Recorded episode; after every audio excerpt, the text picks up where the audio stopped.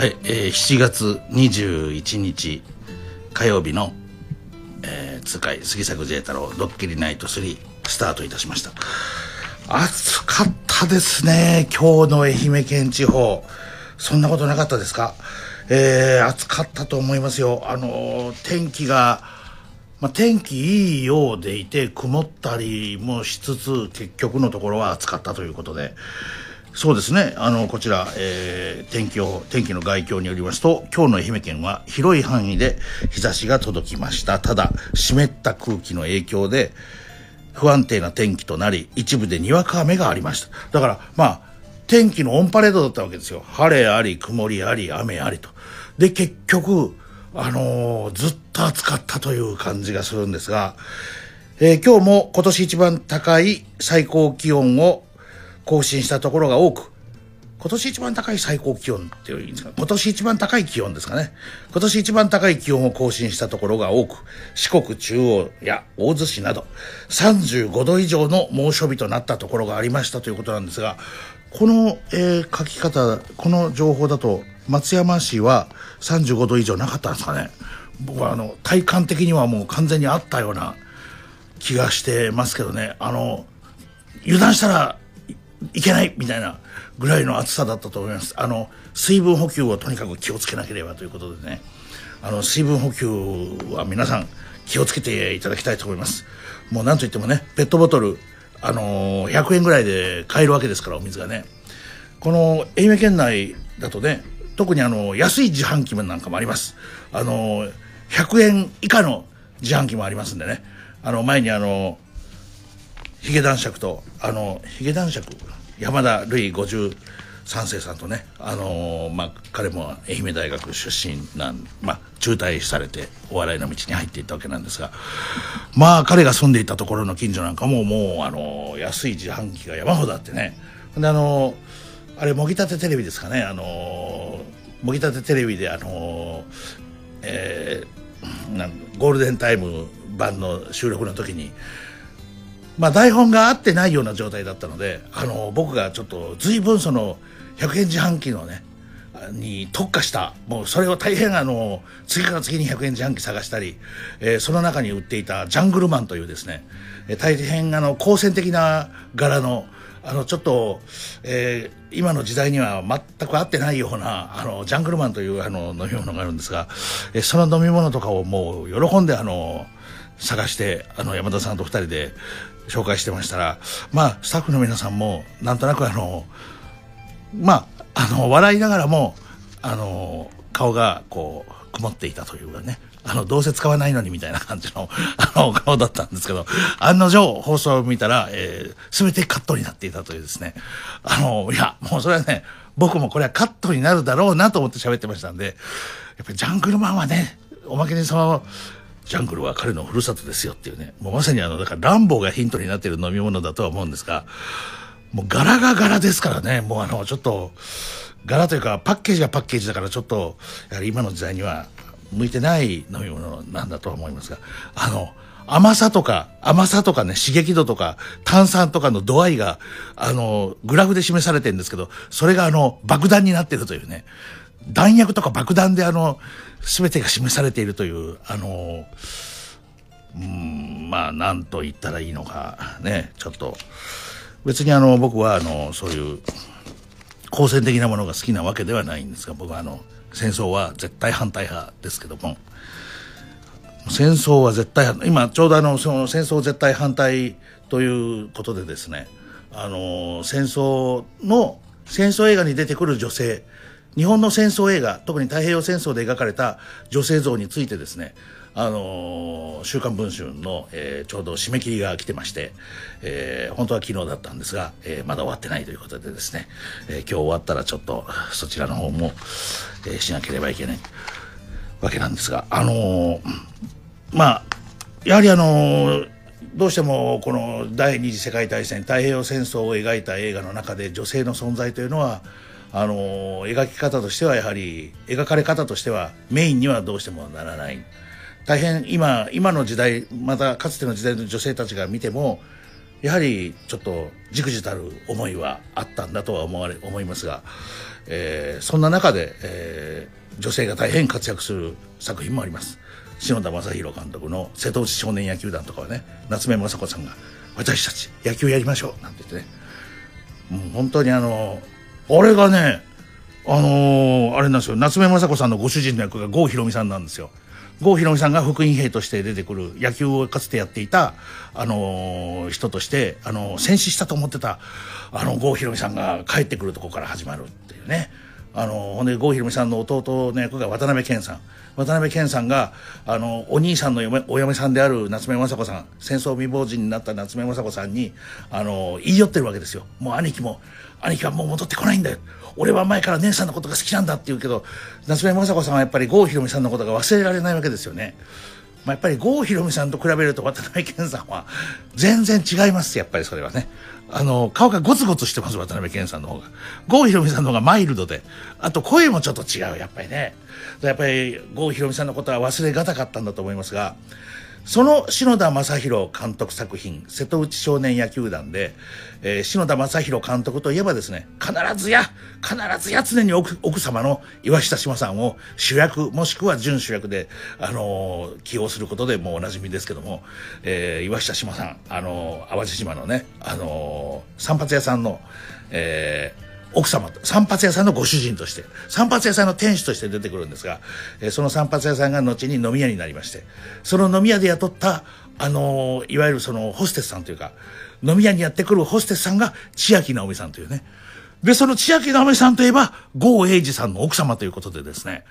なんと郷英二さんの奥様と郷ひろみがあの郷ひろみさんが同じ現場に集合したという、まあ、そういう意味でも大変この瀬戸内少年野球団。僕の推理ではねあの淡路島ってやっぱりいなんかよよ行くようでいてあんまり行ったことない方も多い場所だと思うので僕はね千秋直美さんが長期滞在してる間に郷英二さんも来たような気がするんですよね現場にね。その日はもうだからあの淡路島に郷が2人揃ったというね。郷ひろみと郷英二が2人揃ったというもう。えまああのまだ3密あの3密じゃないあのいわゆる密がねあ寄っちゃいけないっていうウイルスのない時代の話ですからあれですけどまあ今日もですね、えーのっけからちょっと長々と喋ってしまいましたんで反省しております。えーまあなんせ暑かったということで、えー夏の歌から今日は聴いていただきましょうか。はい。三人祭りで、チュ夏パーティー。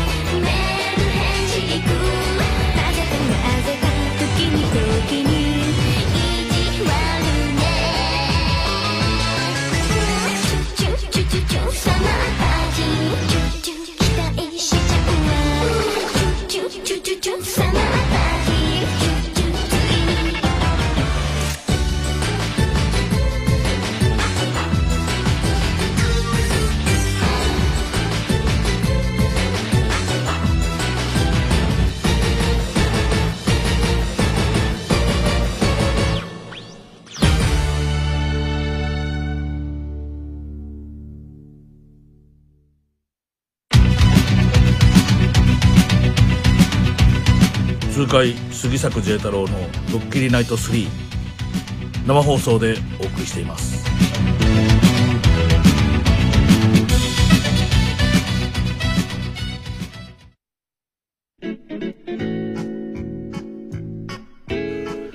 はい改めましてこんばんは杉作 J 太郎ですそしてこんばんは、ひな太郎です。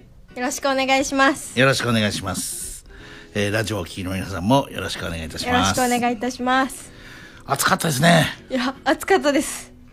ね本当に暑かったです。ええ特に背中汗があかった。乾き乾きましたか？乾きました、乾きました。あの、ついてからタオルで拭きました。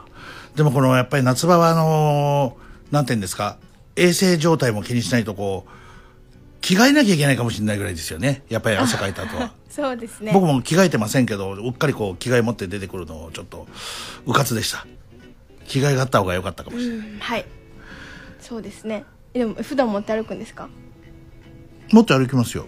えー、あの先ほど1曲目お届けしました三人祭り。中夏パーティー。知ってますか？三人祭り。ってえー、知らないです。歌聞いたことない。この三人祭りというのは、あのまあ本当あのいわゆる三人三人、はい。もうあのビッグスリーというか、まあ、あの日本のショービジネス界のはい。ビッグスリーが集結したという、はい。えー、加護愛さん石川理香さん松浦綾さんこの3人なんですね。そして石川理香さんのご主人が現在読売巨人軍の野上選手という、えーそういうふうになっておりますがまあ野球の今日、はい。やドッキリナイター速報も、はい。えー8時9時にあります。はい。そうですね。がこの三人祭りというのはあのその3人の女性たちがはい。歌った、はい。これから夏が楽しみだなってバーベキュー夏バーベキューやってチュッチュ夏パーティーなまあこの今本当にコロナウイルスが来ておりますからね。はい。もう本当夢のまた夢みたいな話ですけど、まあ、いつか収束したらこういうパーティーも可能だということなんですけどまあ今はもう無理ですねうーん、あ、パーティー。もうネットパーティーとかじゃないですかあネットで集まってはい。パーティー行ったことありますか？私まだないんですよね。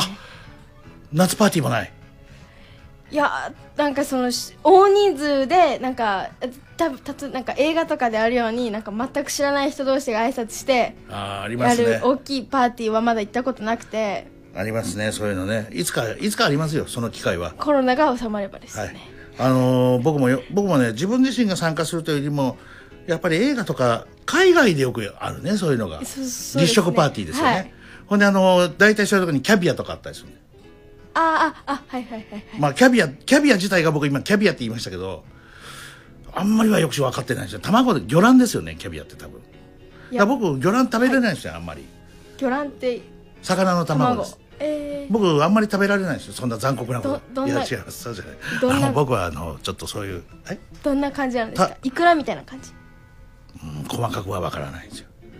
まあ何にしてもあのそのパーティーみたいな場所にはそういうのが出てあのクラッカーの上とかに乗ってたりして。あほんであの事件を捜査に来た人が、そのお金持ちがパーティーしてるとこへ、ま、入ってきて一人だけみすぼらしいんですよ。事件捜査にした刑事さんだから、はい。ほんであのんまあでもみんな目にも留めないんだけど誰かが目に留め「ああなた誰ですか?」あ「すいません。殺人家のコロンボです」みたいなね「あどどうぞ食べてってください」なんて「おキャビアですね」なんて言って。まああのそういうパーティーはよく映画に出てきますよね。あ出てきますよね。うん話がちょっとまああれでしたけど僕の話の持ってき方がちょっとあれでしたけどこのやはりなんといってもこう夏パーティーあ夏パこれがね今の三人祭りっていうのは、ハロープロジェクトっていうところの皆さんなんですよ。はいあの、モーニング娘。かつてモーニング娘。あ、今もう言います。モーニング娘。を母体として、はいうわーっと大ブームになりました、ハロープロジェクト。はいこれは知ってますよね？知ってますえ、そのハロープロジェクトの、えー、中、ハロープロジェクトのグループの、えーグループから出てきたのが、今夜、えー火曜日の番組内番組のヤムエンターテインメントなんですよ。あで、そこの毎週出てきてる、どうも、山田です。山田正治ですって言ってるヤムエンターテインメントの山田社長っていうのは、はい当時後藤真希さんのマネージャーだったんです。あそうなんですか？そうです。もえ？う、もうマネージャーも何もね、もう後藤真希さんと一心同体というかもう、後藤真希のいるところに山田正治ありというね、へえもう山田正治イコール後藤真希ではないけども、あの、僕なんかの、僕、僕とかハロープロジェクト詳しい方なんかは、あの、もう、後藤真希イコール山田正治みたいな。そんな感じのお方なんですか？そんな感じの方なんですまあ、その、えーだから今日は、あの、大変、まあ、ハロープロジェクトとはゆかりのある曜日なんですが、はいそのね、あのーなんで今この話をしたかというと、応援、な、なんで今こんな話になったんだろう。ちょっとわからなくなってしまいましたね。えあ、着替え、そう。ありがとうございます。土屋君が教えてくれました。あの、着替え夏場の。あはいあの、コンサート会場が暑いんだよ、夏場。もうね冷房なんかしててもね、はい聞かないでもずーっとジャンプしてるやついるんだから。あの、見たことあります？そんな生物。あの、ずーっとジャンプしてんだよ、立って見てるのに。あの、ぴょいーん、ぴょいーんってその場で。ああのーその女のアイドルさんのコンサートで来る方がずっとジャンプしてるってことですよねうん。違ううん、そうなの。なんだから1万人ぐらい入ってんだけど、はいはいその中の後ろの方の人はね、見えないじゃん。前の人の頭で。前が見たいから、ジャンプするんだよ。で、ジャンプした瞬間だけ見えるんだよ、前が。はいはいだそのためにみんながね、みんながジャンプしてる。ピョイン、ピョイン、ピョイン、ピョインって。まあ僕はもうね、その争いには参加しませんでしたけど、もうね、あの僕の友人のメルヘン長井なんてやつなんてね、はい。ピョイン、ピョインって、もうずっとピョイン、ピョイン飛んで、まあ彼は、ちなみに彼はね、もともとはね、あの21世紀のクリエイター10人の中の一人に選ばれたね、あの21世紀を作っていく、まあ当時彼ソニーにいましたけど、21世紀を作っていくクリエイターの一人だったんですけど、そのジャンプ活動があまりにも、ジャンプ活動に邁進するあまりに会社に休職願い出しましてね、あの、ずっとジャンプして全国回ってました。えー、すごい。でもじ全国回るって全部のチケット当たるってことですか？かなかなか当たらない。んだから一生懸命出して当たるまで出すんだ。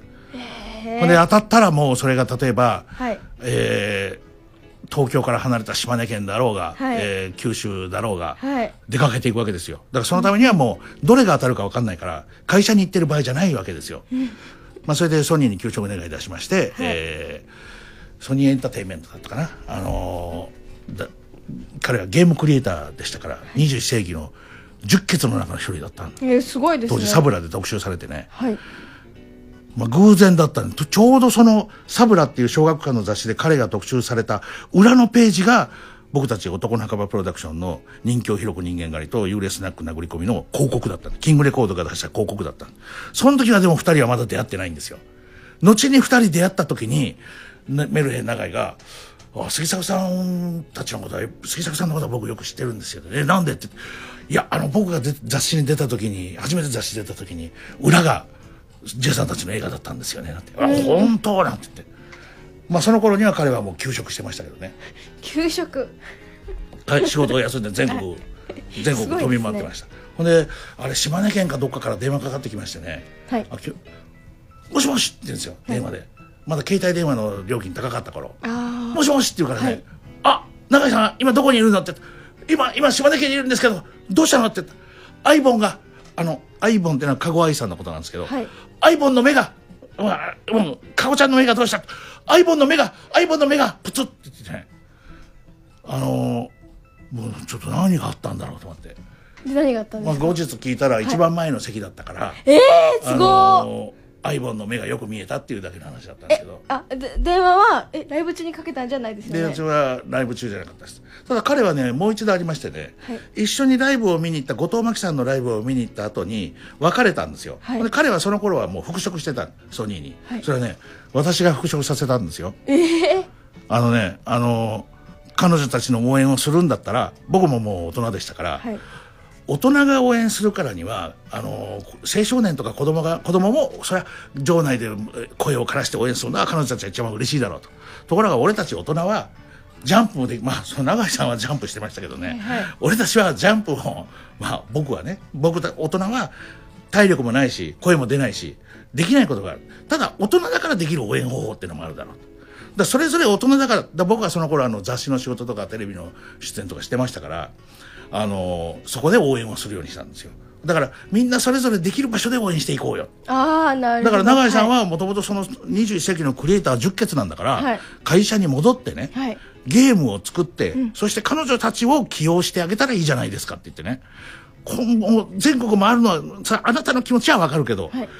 彼女たちのために頑張ろうっていう気持ちがあるんだったらあの永井さん会社に戻るべきじゃないかって言って会社に戻ったんだよ。ほんであの、行きたいコンサートも我慢して仕事してたんだ、はい。でも土日だけは見に行ったりして一緒に。そしてその、えー後藤真希さんのコンサート終わった後、えー、2人とも別れて僕は家に帰って、はい。で彼はあそのまま会社行ったんだ。あのソニーソニーの会社エンターテインメントあったんですね、それであの夜通し仕事になっちゃって彼が。夜銭湯に近所の銭湯に出かけるって。でちょうど銭湯に出かける途中に僕に電話かかってきたんですよ、はい。もしもし杉坂さん？なんて言ってあ今日よかったね。面白かった。今日よかった。ね。見に行ってね。なんて言って。やっぱりごっちんはすごいななんて言ったら本当ですよね。言った瞬間にねキキキキキキドンって音がしてねプツって切れちゃった。え？あの自動車の音がキューって音がしてねドンって言ってね電話切れちゃった。ええそれ交通事故です交通事故なんてどう考えても。ほんでもうあの僕びっくりしちゃって、はい電話しても通じないんだよ。ほんでうわどうしたんだろうと思ったらね1時間ぐらいしてからですかね警察署から電話かかってきて、はい。あのー彼なんですよ。警察の電話借りてほんであのー実は車にはねられたと。あの横断歩道は信号渡ってたら、はいはい。ほんで電話してる途中ではねられて、はい。10メートルぐらい飛んだって言ってました。ええところがね怪我がない。すごっ怪我は？って言ったら今のところどこも痛くないんですよねって言うから。はいそれ絶対ジャンプしてたからですよずっと。もうもうそれなんだよ。ほんでね。僕それから急いで警察署行ったんだよ、はい。ほんであのー警察署に行きましたら彼がやっぱりちょうど取り調べを受けてて、はい。ほんで本当に元気なんだよ、夜のね2時ぐらいでしたね。夜の2時ぐらいの警察署、はい。あれどこ警察中野か新宿の大きな警察署だったんですけど、はい。まあ警察官の方もまだ2時3時だけど仕事されてる方残ってるんで、はい。ほんでその残ってるところで「失礼します」って入ってって「い、や永井さん元気そうだね」って「いやそれがねどっこも痛くないんですよね」って言うからね、大したもんだ。本当に10メートル飛んだのって言ったらね10メートルか20メートル飛んじゃって転がっちゃったんですよね。って言うからねすごいね。でもやっぱりなんでだろうって言ったら「いやその今あなたが言った通りなんですよ、はい。やっぱりジャンプしてたからですかね」って言ったんだよ。そしたら二人で「あははは」って笑ってたらね、えー警察官の方に怒られました。ええ深夜なので静かにしてもらえませんかって言ってね。まあそんな出来事もねあの今では懐かしい。えー、いやいやいや。えでも後日痛くなることもなかったんですか？なかったです。それは絶対ジャンプのおかげですジャンプの方がもういすごいジャンプ力だったんですよ彼が。ピョインピョインってね。わあ何が身を守るか分かんないです何が、よねうん、だからほ本当にその通りなのよ。だからんまああの好きになったら好きになったで、はい。やっぱり没頭してやってみるっていうのはいいことですよね。そうですね。だからあのメルヘン永井さんなんてねあのずっとゲームクリエイターだったから、はい。割と室内の仕事が多かったんだけど、はい。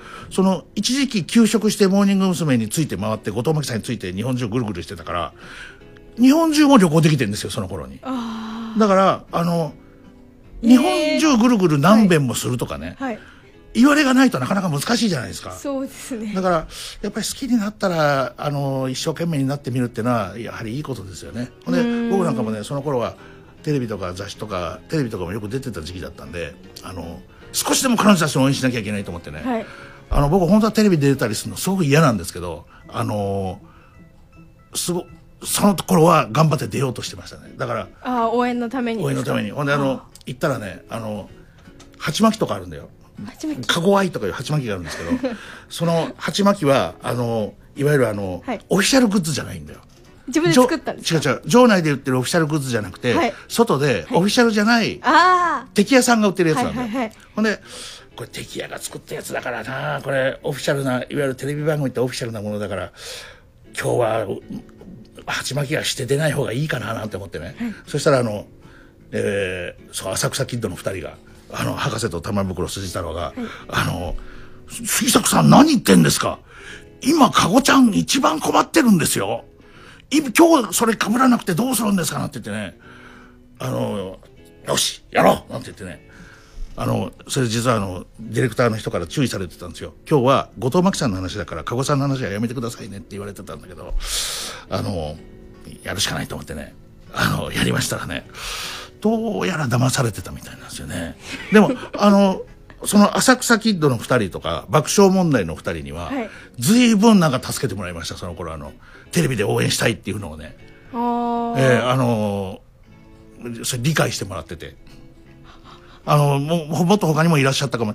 当時はモーニング娘。ファンのネットワークみたいなのがあってね。ネットワークじゃない、あの、モーニング娘。のファンの友達が結構いたんだよ。へえフジモンとか。フジモンもそうでした、今話題の。はい。はい。はい、あの、ユッキーナでね、ユッキーナさんとのね、はい。あの、今大変なことになってますけど、あとあのーあの人たち、あのーお母さんが美容師、美容師、美容のあの、え誰？ー名前がちょっと、えお母さんが美容師さんですか？ちょっとわかんなくなってきましたね。あの、まあ、いろんな方がいらっしゃったのよ、とにかく。あー応援してる方々応援してる方がいろんな方はい。が。だからあのーあなんか言ってましたよね。応援してる方で芸能人の方が多いみたいな言ってませんでした？芸能人の方が多いわけではないと思いますよ。いや、お笑いの人が多かったです。ああああお笑いで好きな人が多かった。だから、あの、山ちゃんとかもそうだし、ね。あと、誰だろう。たくさんいましたよ。あへえええあの、っていうかね、あの、何人かの人とは、あの、モーニング娘。の話しかしたことないかもしれませんね。え？それぐらい応援してたんだよ。あほんで、あの、当時、モーニング娘。の番組がテレビ東京が多くて、あはい。テレビ東京のあの天王洲のスタジオで収録よくいろんな番組のがあったんですけど行くとねあの僕全然気にしてなかったんですよ。気にしてないのにあのちょっとトイレがねなんか1階か2階でお出番前にトイレ行きたくなって、はい。ちょっとトイレ行こうと思って間に合うかなそこまでってトトイレのを見てたの、はい。そしたら大橋アナウンサーがほら今もうテレビ東京辞められましたけど大橋美穂アナウンサーがはい「J 太郎さん今日は彼女たちの収録はありませんよ」って言ってくれてね。いやいや違う違うけど違うけどやっぱりそういうふうに思われてんのかななんて思って、ね、あの大変皆さん優しくしていただきました、本当そのところね。そうなんですか、うん。ままあでも随分ねどっちが例えば籠愛さんの話しても後藤真希さんの話してもね、はいあの人もかこちゃんのこと好きだって応援してたんですよね。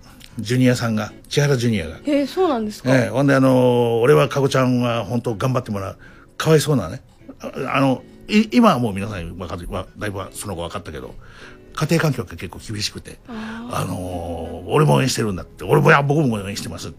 いやでも本当彼女頑張ってもらわないと彼女は本当頑張るべきだみたいなことはねよく言ってたんですけどあのまあそんな話はさておきまして何の話だっけ？ねいやなんか着替えの話すいませんでした。そうでした。着替えです。だから、夏のコンサートとか行くと、はいもう汗びっしょりになるんだよ。だから、着替えは持ってました。よく。ああえでもコンサート行った時に、もて持ち物ってどこに置いてたんですか？知らないけど。覚えてないけど、みんな着替えてたよ。えー、手手ぶらというかいや、みんなバッググ持ってるでしょ、多えバッグ持ってジャンプするんですか？分。知らないけど。えー、あの、よく覚えてないけど、みんな着替えてましたよ、とにかく。えー、え2、3回着替えてるやついたよ。ほんで、おまけに着替えるときに、やっぱりみんな身だしなみを、ね、汗の匂いとかが気になる男子しか、男子ほとんど男、まあ女子もいたけど、ー、はい着替えるときに、あの、制汗剤を、スプレーをシャーってやるんだよ。うわ 男子が？そうよ。後藤真希さんがコマーシャルしてたから。バン16っていう。だからみんなその、後藤さんの命令のままに、後藤真希さんの言われるがままに、あの、もうそのバンをみんな持ち歩いて、はいはいシャーって。はい。あの、だから会場に行くとバンの匂いがしてるんだよ、もう。うわーって。ほんで、バンの匂いがわーっとしてる会場に、はいあの、はい、皆さんお疲れとか言ってね、あの、民間人ですよ。普通のお客さんがコーヒーを20缶も30缶も持ったやつがいて、はい、皆さん一個ずつ飲んでくださいとか言って配ったりして。まあ、それがコンバット REC でしたけどね。あの、後藤真希さんが コマーシャルやってたコマ缶コーヒーを山ほど買ってきてるんだよ。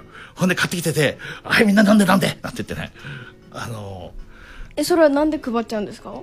大量に買いたくなるんですよ。好きだから、後藤真希さんのことが。あそういうことかええ。ほんで今度出たら出てまた別のとこ行ったらオキテポルシェがああのあれですよ。メロン記念日の CD をくれるんだよポンピョンピョンピョン山ほど買ってるから。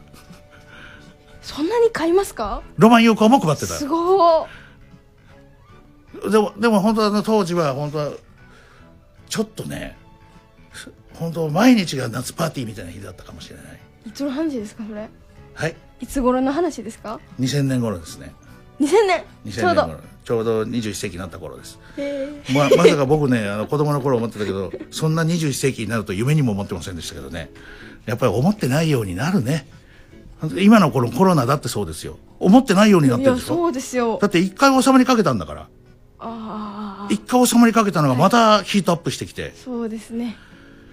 だから本当ねこの僕はまあ思うんだけど特にあの関首都圏とかは、はい。ナイトスポット夜の夜の街からワッと溢れたりしたはい。でもじゃあ例えば松山とかね夜の街からコロナがわーっとなってるかなってないでしょ？そうです。夜の街でお酒飲むにしても飲み方だと思うんだよ。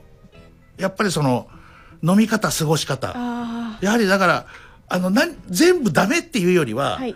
ちゃんとしたマナーでコロナを蔓延させないような飲み方とかコロナを蔓延させない人付き合いの仕方とかをちゃんと徹底していった方が僕は店を全部閉めろっていうよりはねいいと思います。あうんだから、あの、飲みに行ったりした時のマナーとか、はいそれ大事ですよ。あの、あんまり近づかないように。あなたなんかまだ未成年だから、お酒飲めないから、はいあれだけど、お酒飲めるような人、今これラジオ聞いてらっしゃったら、やっぱりね、知ってる人はまだいいけど、知らない人とあんまり。知らない人のおさお酒の誘いに乗っちゃいけない。そんな曲聴いてもらっていいですか？はい。はい。知らない人のお酒には本当気をつけてください。こういうね、近田春夫さんみたいな人がいますんで。はい。春夫フォンで恋の TPO。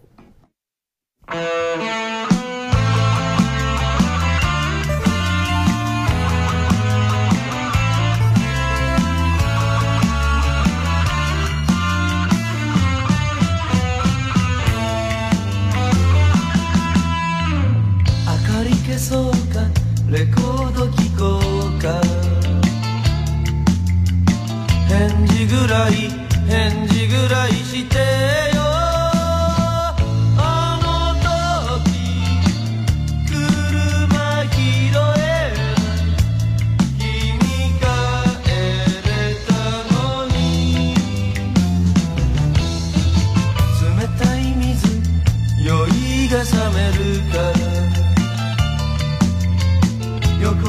れば二人だけだよ星空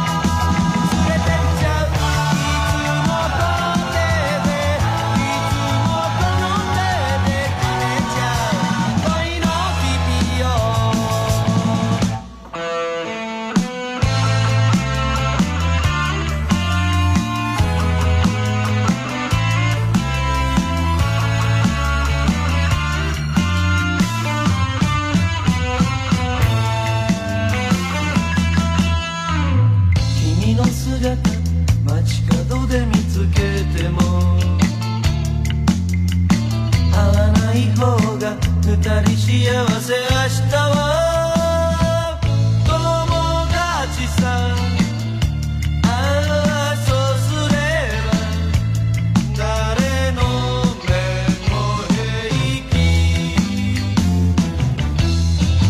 離れ離れの定めつらいけど交わす口づけ約束したよ泣くの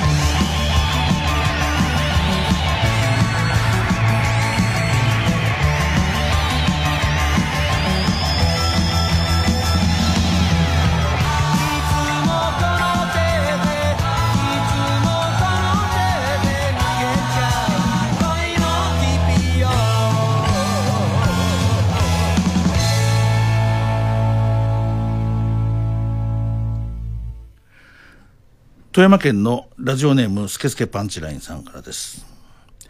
今日炎天下なのに地元のお魚屋さんにかなりの行列ができていました。香ばしいタレの焼ける香りはまさにうなぎ。土曜の牛の日でのおなじみの光景で地元テレビ局も取材に来ていました。杉作先生とひな太郎さんもうなぎを食べましたか？今年の国産うなぎは昨年よりはお安くなっているようですよ。なお8月2日も土曜の牛の日だそうです。そうなんですよ。今年はね国産うなぎが値段が少し安定してるんですよ。でおまけに今年の国産うなぎは味が大変いいというね、えー、そうなんですか、うん、あのー評判をちょっと聞いてます。どうしてですか？仕組みは分かりませんけど あのーやはりうなぎが頑張ったんじゃないですか？うなぎが頑張った。うなぎが頑張うなぎ業者の方も頑張ったんだと思います。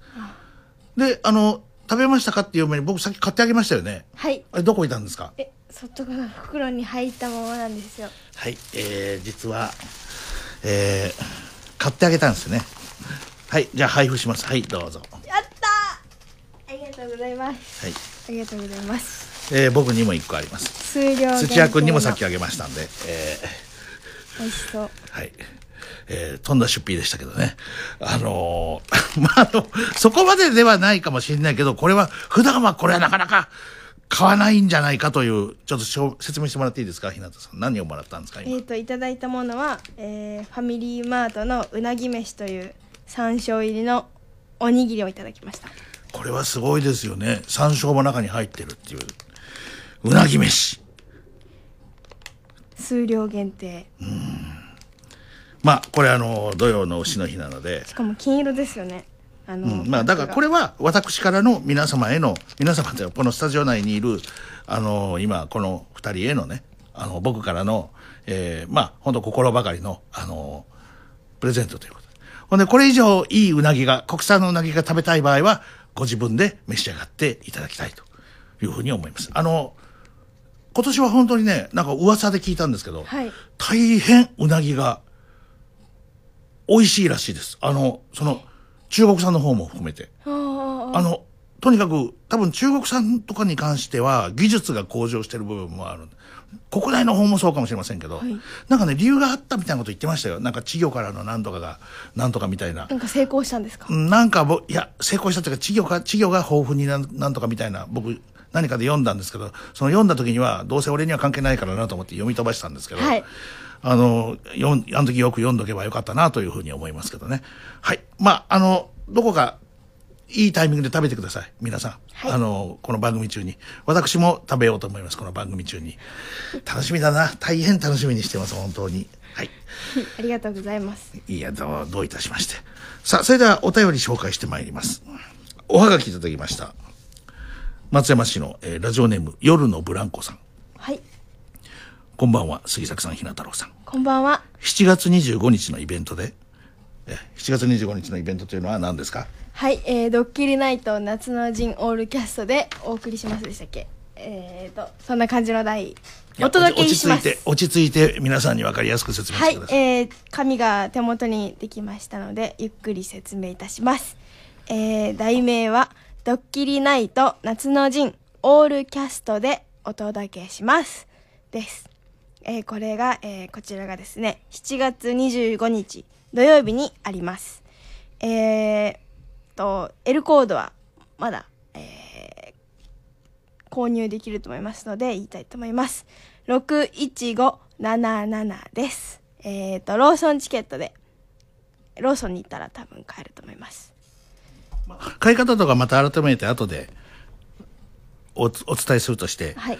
おはがきにちょっと戻りますね。あはいえーその何という題でしたっけ？はい。ドッキリナイト夏の陣オールキャストでお届けします、はい。というえーこのオールキャストというのがね、はい。えー僕とひな太郎さんと内田名人の3人だけというね、なんともお寒い限りのオールキャストですが、あの、なんと、朗報です。おそらく、そこに、モアミュージックの大久保さんも出演されるかもしれないから、はい。まあこれはもう超スペシャルゲストと言っていいんじゃないですか。モアミュージックの大久保さんと言ったらもう俳優顔負けるぐらいの、あのーなんか雰囲気ありますからね。そうですね、はい。えー、それではね、お便り戻りますよ。7月25日のイベントで、日向さんが歌を歌ってもらえるということ。私にもリクエストさせてください。はいこの間少し歌ってもらった谷山ひろ子さんのおはようございますの帽子屋さんです。私はひろ子さんの大ファンで、去年も松山のライブ行きました。この歌は、ひろ子さんが日向さんの年齢の時に作った曲だそうです。あそうなんですか、じゃあよろしくどうぞ。歌いたいんじゃない？ちょっと歌いますか今。ございますの帽子屋さんですか？今ちょっと歌いますか？歌詞覚えてなくてもなんとなく雰囲気的に。覚えてます？この曲。すいません。ちょっと数分後に歌います。ぼ僕ちょっとややってみましょうか。はいお願いしますラララ、ララですかペラいいですかラララ、おはようございますの、帽子屋さんみたいな。思い出しましたそう。あれやりましょうよ、じゃいいですね、ええ可愛らしい歌だった可愛らしい歌ですねあはいはいあ。はい。おはようございますの帽子屋さん。よろしくお願いします。よろしくお願いします、はいおはようございますの帽子屋さんはいまあ、あのーちょっと触りだけでもね、いろんな歌を歌っていったらいいじゃないですか。そうですね多分。僕ね、はい。もう本当あの時々このスタジオでねあなたのねあの歌ってる姿を見たり歌聞かせてもらいましたけど、はい。僕感動してるんですよ本当に。本あの世代を超えた感動リスペクト感があります。リスペクトというかすごいもん見てるなっていう気持ちが僕はあるんですよ、僕あの漫画で読んでる間はねなんか全然ピンとこなかったんですけど、はい。あのドラえもんでねジャイアンって人がねあの人集めて歌を歌ったりするあんだよ。りますね。なあんまりピンときてなかったんですけど、はい。どれぐらい嫌なのかなとかね、どれぐらい面白いのかなって分かんなかったんだけど、はい。もうあなたが歌ってる時の姿がね、本当ジャイアンやだやだやだやだ。やめてください。やだやだ。絶対にやだ。ジャイアンみたいだけにはなりたくない、違う、いい意味で言ってんのよ、これはい本当ジャイアンの歌にいい部分ないですよ。でもほら、やっぱりね、ジャイアンも歌好きなんだと思うんだよ。あほんで、あなたも歌好きじゃないですか。やっぱりね、好きな人が好きなことをやってるっていうのは、やっぱりね、すごくこう、いいものなんだよ。ジャイアンの歌って漫画とか全部ペケで書かれてなかったでしたっけ？でもやっぱ本当に望まれてなかったらみんな集まってないですよ。いやあれ集まってるとか、もうのび太の場合だとのび太どうなるか分かってんのかっていう感じで来てるだけで、聞きたくて来てるわけじゃないですようん、まあ、このあなたの歌もそうかもしれないからね。いやいやいや、ごめんごめん、ごめんなさい。そう、いや、ちょっと違う。あの、でもね、あの、はい漫画の中に出てくるような雰囲気なんですよ。あなたのそのジャイアンの歌が。ええいやじゃあジャイアンがまあ、ジャイアンはやめましょう、じゃあ。ジャイアンはやめますけど、はいやっぱり好きでたまらない人が歌ってる、そのジャイアンが歌を歌ってる時のあの景色に何か近いものがね、あの、だから違いますよ。性別も違えば、ジャイアンは暴力的ですけど、あなたは暴力的じゃありませんし。ジャイアンって暴力的なの？そうまあなんかたまにいい男みたいなのを見せるんですけど、もうなんかもうすぐ手が出る感じです、まあ、あの、あなたの場合はそういう、そうではないから、まあもちろん発表された年代も違いますからね。あの、今だったらジャイアンの描き方も多分藤子先生も違ってると思うんで、あの、やっぱり全然違うと思いますよ。だから時代時代でやっぱり文化もあ何もかも変わっていくから。はいだからやっぱり今もし F 先生が、あの、ドラえもんの中で歌を歌う人書いたら女子で書いたかもしれない。あだからもうまさに、令和の、令和に F 先生が生きてらっしゃったら、はい。まさに、ジャイアンというか、もう、新しいキャラクターとしてあなたが出てて、女性が歌を歌ってんじゃない。わーうおね、あの、今日もずっと練習してましたね、あの、先ほど。あえ見てたんですか？恥ずかしい。いや、見てないんですけど、あのー聞こえてきてましたよ。いやーあれ聞こえるんですか？いや、僕普通聞こえないと思うんですけどね、完全防音のスタジオだから。完全防音のはずの場所から聞こえてくるんですよ。あらら。僕あの、そこにあの、先ほど、寺尾英子さんが入っていった時に、あの、いあれあれはマジでびっくりしました。や、よく、いや今歌の練習してますって言って。いや、よく大事件にならなくてよかったと思ってね、もうただ、あの時は、あれ、桜田淳子さんの歌を歌ってたでしょ？いや多分あの時は復活の日のテーマ曲だった気がしますそうか、そうか。でも、おあれも聞こえてきてましたよ、その桜田淳子さんの歌も。あの私の青い鳥ですか、ええあ歌ってました途中からはようこそここへ。グッグッグッグッ まあ当日が楽しみです。そうです当日のためにはいまあ、何にしてもね、ファンタスティックな光景だと思いますよ。めったに聞いたことない。大体ね、あの、普通歌すごく歌う場合は、はい例えば伴奏がありますよ。なないんですかね？ないですよ。いや、ないですよ。って今までないじゃないですか。いやーそうそれがジャイアアンなんですよ。じゃ普通の人は伴奏とかついてね、はい。あの、なんかこう、まあまあまあまあ。でで、アカペラの歌だけで、わーって歌うことはみんなちょっとつまらないなっていうかね、ちょっと伴奏でもないとつまらないなって気持ちで、あの、なんか声だけで歌うって言ったらなんかちょっとテンション下がるのが普通だと思うんですけど、はい。そこでテンション下がらないのがジャイアンとあなただけなんですよ、やっぱり。だからそれが、あの、は本当に歌が好きなんだなっていうね。で、まあ多少メロディーがおかしくても、文句言いようないもんね。だから好きでやってるんだからと思うと。まあ、まあ好きだけどまあうまい下手はちょっとあの考えないで聞いてもらえたら嬉しいなと思います、だからあのお亡くにお亡くなりになったんだと思いますけどあの平尾正明先生とかにねぜひ聞いていただきたかったですよね。平尾音楽学院の。あの後藤真希さんそこの出身者ですけどね。あの平尾正明先生っていう人いてね、はい。あのモノマネ番組とか歌番組みたいなんで歌をいろんな人が歌うと、はい。ものすごい喜んで聞いてるのもううわーうわー面白いねーみたいなね、うわーっていうね。もうその平尾正明さんのものすごい笑顔を見るのが僕なんかもすごく好きでねあの平尾さん絶対ひな太郎さんの歌聞いたら笑顔になったと思うわ。え本当ですか？絶対そうだと思います。歌で笑顔になる人はいてくれるんですかね？て本当平尾正明さん先生に聞いていただきたかったですよね。でもあの当日ぜひあのまああのいいい形で、そうですね、うん開催できればいいんですけど、あのー今フェイいやフェイスシールド越しで聞いてもらうんですね。そうです。万全の体制で、あの、とにかく開催に今向かっておりますが、はい。まだこの日々どうなるかわかりませんので、はい。えー最新の情報はこの番組の中でお伝えしていきたいと思いますが、すね。今の、今日現在の7月21日の段階では、はい。えー今のところは開催の予定。はい。そしてあの最大限にもうこれはこれ以上努力のしようがないぐらいあの完全に対処したいと思いますんで極端なことを言うとコロナのウイルスを持った方がもしもいらっしゃったとしてもまあ多分あこう分かんないからほら熱が出てない場合があるあるからね、うん、だから万が一そういう方が来てた何人かいても、はい。誰にも移らずに帰るようなそういう状態で開催すれば僕問題ないと思うんですよ。だから気を緩めないようにすればいいと思うんですだからそうん、だからだってあの同じ会場にいても移る人移らない人いるわけですからだから遠かった人とかあの接触してない人とかは移らないわけだからその移らない方に皆さん合わせていけばいいわけで、はいあのとにかく今の段階では開催する予定ではおります。はい。まあ、ただ、この後どうなるかわかりませんけども。はい。それでは今日の番組内番組に参りましょう。えー、隅田隆平さん。えー、かつてはお笑いもやってらっしゃいました、隅田隆平さん。行ってみましょう。どうぞ。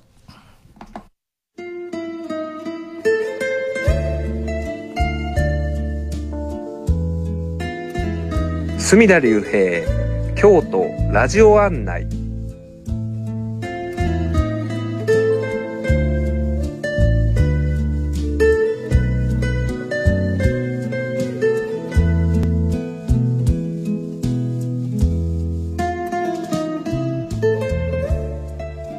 出演、隅田隆平。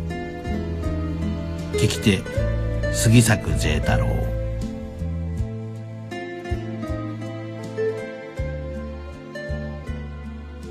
今夜は第3話ということで第2話にお話ししたジェルメという京都でいや日本でいや世界一と言っても過言ではないパン屋さんのお話を続けたいんですけれども先週ですかね前回ですかねお話しした通り本当に美味しくて食べたこともないようなクロワッサンを味わえるお店なんですがただそのパンを作る能力の代わりに他の全ての能力を失った店主がいらっしゃいまして、えー特に記憶力の欠如たるや著しくて、えー先週もお話したと思いますが、あの、自分が今まで作ってきたパンも全て忘れてしまいますし、客のことも忘れてしまうと。で、ある時ですね、はい KBS 京都ラジオがその美味しさの噂を聞いて取材したいということになりまして、あの、取材していいかどうかの電話をそのジェルメに電話入れたんですけれども、はいで、その店主と、まあ、ラジオのディレクターが、まあ、話をして、取材の申し込みをして、えー、20分ほど話したと聞いてます。うんそんだけ話したんだけれども、結局、取材に OK してくれたのかしてくれなかったのかが分からなかったっていう。うんで、改めて、そのディレクターは店に直接、あの、直談判しに行ったっていうぐらい、ちょっと、なかなかあの、意思疎通が困難やったりする部分もあるんですけれども、それも別に全然嫌な感じじゃなくて、はい。その、そういう店主のキャラクターも含めて、すべてその店を、パンを愛してる人たちがそこのジェルメを愛好してまして、で、先日もですね、あの、このご時世、えーそこのお店もそうなんですけれども、あの、あ、そのお店ね、あの、言うの忘れましたけれども、夜も、おそのパンと一緒に美味しくう食べられるお料理であったりとか、はあの、ワインを出したりとかっていうことをやってらっしゃるお店であ、その夜、そうなんですよ。ずいぶんなんかあの大事なことを話してなかったんですね。それあ、すいません。あの、大事なこと忘れてました。それ、夜もそういう、あの、サービスをされてるんですけれども、、でおか、おかずパンがないっていうから、あ、はいはい。あの、おかずパンがないっていうからもう本当の小麦粉専門のですね。あ、なるほど。あ、そうでもないんですよ。あもう全然、全然イメージがガラッと変わりましたよ。申し訳ないです。あのーちゃんと、夜はそういう料理を出して、お肉料理を出したりとか。で、パンは基本的にパンで食べてくださいっていう感じではあるんですけれども、え、昼はそのレストラン部はやってないんですか？レストラン部はやってないんですよあ。昼はパンだけで、あ、もしかしたらランチもやってるかもしれないです。あの、隅田さんも、隅田さんじゃない、龍、さん、龍さんね。隅田、おまけに隅田さんじゃない、隅田さんね。はい、はい、龍さんも、はい。ちょっと似てますよね、そのパン屋の。あ、その、そうですよね。その辺の、あの、意識の払い方といいますか、ちょっと今、欠如してましたけれども、ただ、その人がもっとすごいのは、その夜に料理を出してらっしゃって、で、えー今ね、あの、ウィズコロナということで、うんお持ち帰りもやってらっしゃるんですけれども。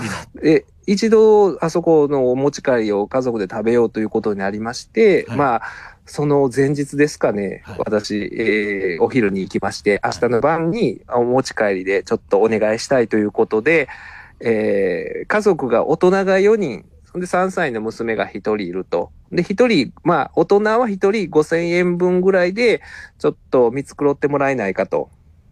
お願いして、あ、わかりましたとかっていろいろずっとメモをされてたんですね。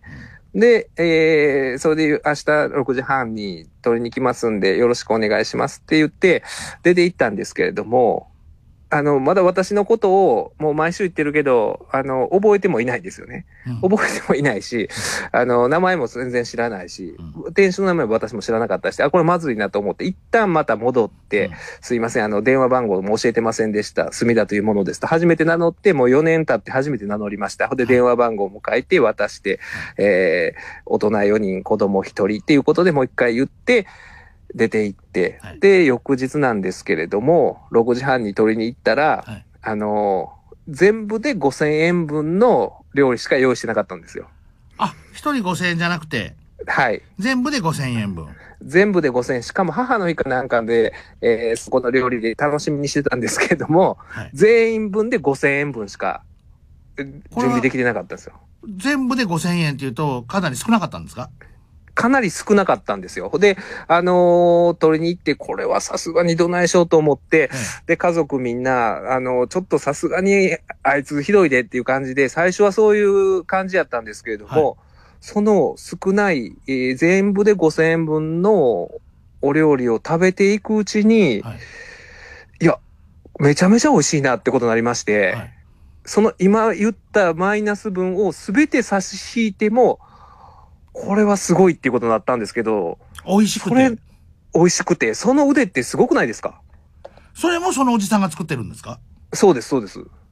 え、従業員の人は他にいないんですか？いないです。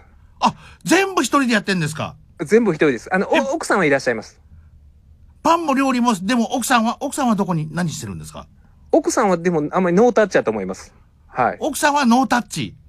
ノータッチで、その、レジを打たれたりとかっていうような、袋に詰めたりとかっていう、全部じゃあそのご主人が、はい。そのフランスでおそらく修行したであろうと思われる。そうです。そのご主人が、はい。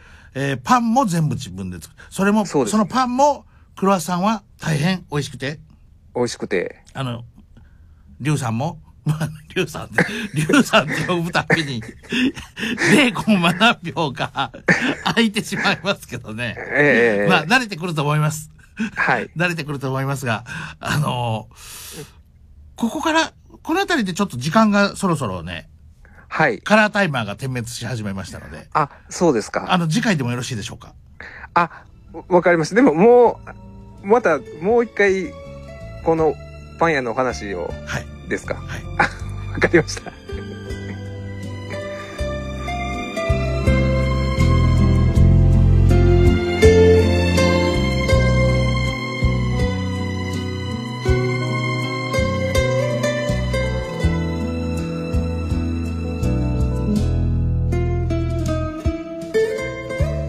隅田隆平京都ラジオ案内を終わります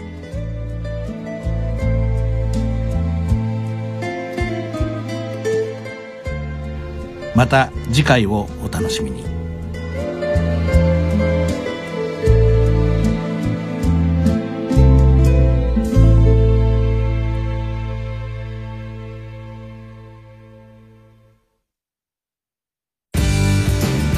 タピス甘山のサマーハウジングフェア7月23日から26日の4日間開催たくさん遊べるミニゲームコーナーにキッチンカーの日替わりグルメも登場。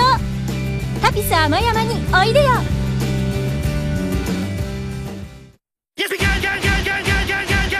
南海放送ラジオの平日夜9時半が面白い。月曜はヒゲ男爵山田るい53世のルネッサンスラジオ。ルネッサンス。火曜はミルクボーイの煩悩の塊。コーンフレークやないかい。水曜は和牛のモーモーラジオ。もうええわ木曜はかまいたちの「ヘイタクシー」金曜は問わず語りの神田伯山。テレビでは聞けない芸人たちのトークはラジオで。気になったあなた今すぐラジコのタイムフリーで。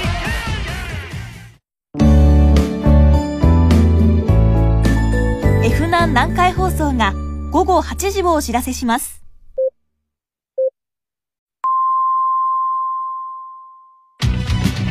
痛快杉作 J 太郎のドッキリナイト3メールアドレスは jt.rnb.co.jp 生放送でお送りしています。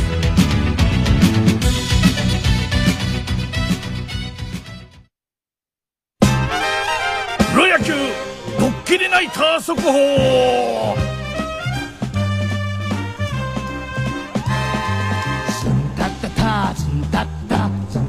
はい、それでは、えー、今日もプロ野球ドッキリナイター速報をお届けしてまいります。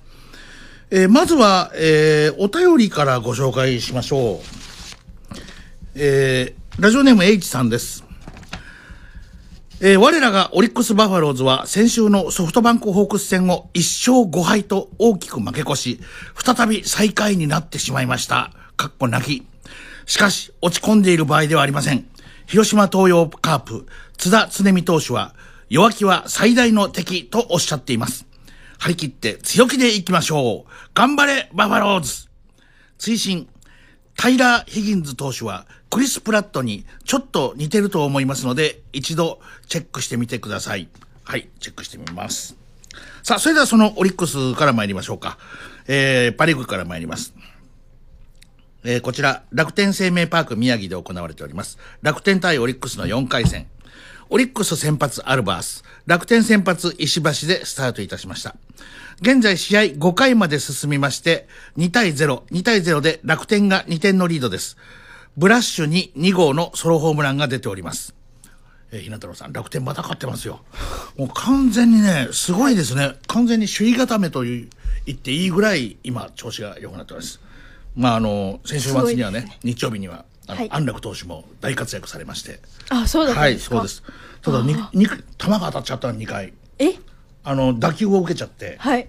ちょっと心配ですけどね。あ怪我をしてしまったっいやあの、大丈夫そうでしたけど、当たったことは当たったんですよ。あ続きまして、メットライフドーム西武ロッテ6回戦。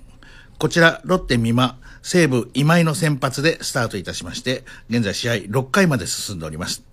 西武が4対3で1点のリードです。ホームランは中村に4号の空が、ソロ、ソロが出ております。えー続きましては、えーソフトバンク日本ハム7回戦、ペイペイドームで行われております。こちら、日本ハム先発杉浦、ソフトバンク先発千賀、えー現在ですね、試合6回まで進んでおりまして、1対0。1対0でソフトバンクが1点のリードです。えーソフトバンクの1点はバレンティンの6号ソロです。えーバレンティン6号ということでね、あのーホームランバッターが、えーやはり気温が高くなってくるとどんどん覚醒してきてね、はいあのーまあ、今日は出てませんけど、西武の山川穂高選手なんかはね、連発し始めておりますんで、えーこれからホームランの季節ですね。はい。ホームランの季節そう、ホームランの季節ですよ。さあ、それでは続きまして、えー、セリーグ参りましょう。そうなんですよね。もう広島カープ大変厳しい展開になってきておりますが、今日も厳しい展開です。甲子園球場に出かけております。今日は、えー阪神タイガースのお膝元ホーム、甲子園球場に訪問しているわけなんですが、広島先発栗、阪神先発秋山、スタートいたしましたが、現在試合6回終わりまして、6対1、阪神が5点の大量リードです。えー阪神の5点はすべ、あ、阪神6点、すいませんでした。6対1で5点のリードです。えー阪神の6点のうちの5点はすべてホームランです。すごいで、すべて栗が打たれております。これはもう栗も厳しいでしょうね。これもうね。えーサンズ4号ソロ、糸原2号ツーラン、大山5号ツーランが出ております。で、広島カープはもうほんとね、あの、一人だけ、もう、堂林だけが頑張ってる感じに今ちょっとなっちゃってきてるかもしれませんね。堂林5号のソロホームランが出ております。でもあの、堂林選手、あの、なんでこんなに好調なのかっていうあの、ヒーローインタビューの問いに対しまして、こう答えてましたね。集中してますと。やはりね、集中していれば、集中してなければいけないというね。私も集中します。はい、集中してやりましょう。えー DNA ヤクルト4回戦、こちら横浜スタジアム。ヤクルト先発、原樹里。DNA 先発、ピープルズで始まりましたけど、すごい名前ですね、ピープルズ。何人もで投げてるみたいですね。あだいえーさん反則じゃねえかみたいなね。えー DNA の先発、ピープルズ。あなんか、複数形にしか見えないんですけど、大丈夫なんでしょうか？えーでも、ピープルズはすでにマウンドを降りております。二人目の平田が投げていますね。原樹里はまだ投げています。原樹里、あの、まあね、あの、頑張ってます。今日は頑張ってますよ。現在試合5回まで進みまして、6対3、6対3でヤクルトが3点のリードです。ホームランはヤクルトの青木に5号。そして、えー横浜の DNA の梶谷に4号が出ております。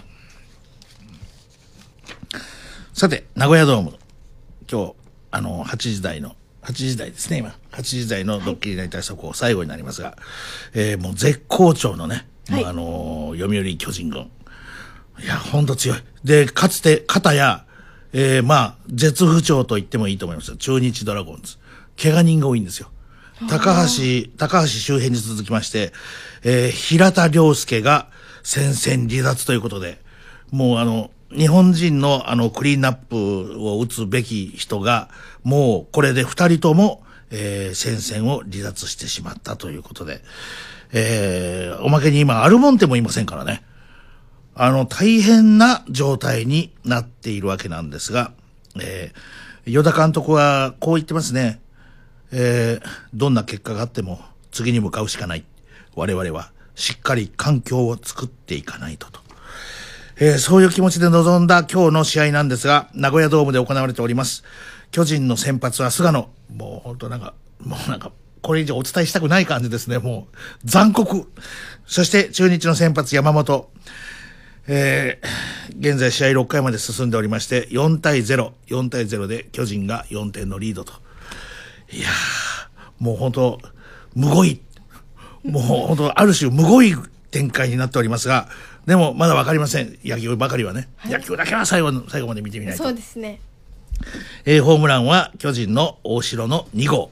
そして、岡本、やりますね。もう、ビッグベイビー岡本10号ですよ。もう絶好調になってまいりました、岡本。はい。ということで、えー8時台のドッキリネタ速報だったんですが、えー、ひな太郎さん、はい。今日もなんか質問ありますか？あります。今すぐ答えられなかったら、はい。あのこのラジオをお聞きの皆さんが教えてくれると思います。で簡単な話だったら僕もお答えしたいと思いますけど案外ね野球のことってね僕も知らずに見てる部分が、部分が見てる人も知らないんですよあんまりよくそうなんですか？そうですそうです。でも気になることは聞いていいですか？はい。じゃあ質問よろしくお願いします。今聞いていいですか？はい。はい。じゃあ一つ目です、はい。えーキャッチャーってどれくらいすごいんですか？え？いやあの見てて、はい。私でもキャッチぐらいはできるぞと思って。ああー座ってるだけだから。はい。ここ構えてるじゃないですか、はい。キャッチするじゃないですか、はい。でたまに外すとなんか焦ってるじゃないですか。ボールちゃんと取れなかった時。ああ落球するとね。はいそれは落球してる間にランナーが走っちゃうからですよ。あーあーまあそれで焦るんですね、うん。投げた後の落球はボールがデッドと、デッドとは何だろう？デッドとアライブかどうか分かりませんけど生きてる死んでるでいうとゲームポロッとこぼした時はゲーム続行中なんですよ。えだからあのもうは自由に走っていいの。でバッターだけはワンストライクでは走れないんですよただスリーストライク三振してたらもういくらでも走っていいの。えー、三振してたらもうそのまま走っていいの。えそうなんですか？振り逃げっていうのがありましてね。昔振り逃げでヒーローインタビューを受けた人もいましたけどね。あの後に監督になった広島カープの三村さんなんかは「今日のヒーローは三村敏之さんです。選手です」なんて。しばらく試合出てなかったんだよ。あ三村さんやったのかな？ホームランが149本で止まってたから、はい。ああ150本打ったのかなと思って聞いてたら「三村さんおめでとうございます今日はなんと振り逃げでヒーローインタビューという」みたいなね。まあだからみよく見てなきゃいけない。キャッチャーが落球したら走っていいんですよ。えその落球に気づかないキャッチャーもいるってことですよね。いない？気がつくでしょ？財布っていうかあの財布じゃないあのグローブの中に玉がないんだからあれって思うんじゃないですか？えじゃあ最長でどれぐらい気づかなかった人いるんですかね？まあそれならそれはともかく、ね。あとキャッチャーがなぜすごいかっていうと、はい。はい。それぞれのバッターが弱い球種とかねここは打てないとかここへ投げたらあいつはホームラン打つとか全部こうデータがあるわけ。はい。そのデータが全部入ってんだよキャッキチャーの頭には。はキャッチャーは。あキャッチャーは頭がいいんですか？キャッチャーはもう本当頭がもうもうで全部入ってるのこう。だから昔あの、と阪神のねあれ誰だったんですかね。えー、阪神のキャッチャー、はい。あの試合中に倒れたことあるんですよ頭頭が疲れて。ああえあじゃあ頭を使う仕事なんですねキャッチャーは。だからもう頭の中がいつももピロピロピロピロピロピロだからなんかピッチャーはなんか関川関川ですよ阪神の関川なんか試合中に倒れたんだよもうあの頭使いすぎてうーんみたいなあそうなんですかそうですへえ知らなかっただからもうあのもういろんなこと考えてるのキャッチャーはもうほんでもう全部こう球種が入ってるわけだこの間もあったんですよ。実はね、ルーキーがキャッチャーのキャッチャーはベテランが大抵やるんだけどまあきあのすぐ高卒で来てすぐは全員のデータなんかないからさ、はいはい。頭に全部入ってるキャッチャーがいろいろサインですこのこの人はこうって出すんだけどルーキーが首振ったんだよ。それは投げれないって。そしてルーキーが自分の好きな球投げたら打たれたんだよ。そういう出来事もありました。だからあなんかピッチャーとキャッチャーって仲良くないといけないかと思ってました。仲良くないといけないんじゃないですか？うーん仲良くないとっていうかもう絶縁状態とかじゃ無理でしょそりゃ。あいつの顔見るのも嫌だっていう二人は もう一応向き合ってますもんね。向かい合ってます。あいつの言ってることだけはもう絶対うん無理とかあいつの顔を見たくないっていう場合は無理でしょ。あだから例えば同じ女性を争ってるとかね。あとあのうちの女房寝取られたとか。あのそういう状態では会ってられないですよね。ーうーんまあじゃあキャッチャーはすごいんですね。頭が。だからキャッチャーはもう頭の中がもうデータが。あじゃあネオくんってキャッチャーでしたっけ？あネオ君ってキャッチャーなんですか？えわかんない。違う。ネオ君は違うでしょ。違いますか？ええ。ネオくんは何なんですか？ネオ君は外野手じゃないですかね。内野手ですかね。まああのピアニストです。いやいやピアノも読書もよくするらしい読書もする読書もするしピアノも弾く。ネオ君の中日ドラゴンズ第一巡指名選手ネオアキラ大阪桐蔭。はい。大阪桐蔭ですよね。そうですね、はいはい。大阪桐蔭です、はい。だから、はい。あのネオ君はあのこれから出てくるでしょうね。そうですよね、はい。はい、はい。まあということでただいやあの出てきやすい状態揃ってきてるんですよ。ドラゴンズがもう怪我人がどんどん出てきてる。あ高橋周平と平田が倒れたから、はい。まあ平田っていう選手知ってますか？あいやちょっと。ぜひ一度見てもらいたいですな生で。生という生で？映像で映像で。映像で。ライブで。あのアンダーシャツ着て着てないんよく。ほんで太い腕が丸出しになってるんですよこう、はい。ユニフォームから、はい。それがねピクピクってあのバッターボックス入ったらピクピクってなるのあ体が。ピクしてるんですか？体がね妙にピクピクってなるんですよ。筋肉がピクピクしてる。いやなんかわからないですよピクピクなるて。もう怖いんですよなんかピクピクなるから大変なんかあの変わった人。変わった人。ねはい。え他にもなんか噂ですけどねあくまでも。あくまで噂ですけどはい。あの客席でスタンドでなんかやじってた人にあのよく言い返すそうですよ平田は。ええスタンドでなんかブーブー言ってる人に言い返しちゃうんですか？言い返しちゃうんですって。どんな感じで？わからないけど。ええそこはテレビには映ってないんですか映ってないでしょうね。でもあくまでも噂ですけどど広島カープの達川さんなんかは、はい。そこかそこにもいなくなったらしいですよ。最初文句言ってたら。グラウンド客席に行ったっていう話ですよ。えー、すご文ー句言いに。えそういうことあったらしいですよ。ほんであの、なんか客席とスタンドとやり取りしてうわーとか揉めて、はい。揉めた後で仲良くなってそれがそこの千船町のひょうたのご店主らしいですよ。え？千船町のラーメン屋というか、ね。そこにひょうたというお店あるんですけど、はいはいはい。そこのご主人は、はい。あのやじってて達川が怒っちゃってほんであの「なんてこと言うんだお前」みたいな「お前どこでや何やってんだ」と「俺はラーメン屋だ」みたいな「そうか今度お前のラーメン屋どこだか教えろ」みたいなこと言あって。カップですかそれは。はい。あだからカープのものがいっぱい置いてあるんですか。そうです。あ。でその後あの一度は揉めたんだけど、はい。仲良くなられて。ー。あーなんかすごいカープファンなのかなと思ったら甘いラーメンですよね。はい。美味しいラーメンですけど。すね。ぜひ松山にいらっしゃった時にはいわゆるあのぜひひょうたのラーメンでいただいていでもただきたい。言いますよねそうやって。ん？言いません？ふうた行ってくださいみたいな。言います言います。言いますよね。言います。言ってください。ぜひよろしくお願いします。はい。ということで、えー以上8時台のプロ野球、はいドッキリナイター速報でございました。タ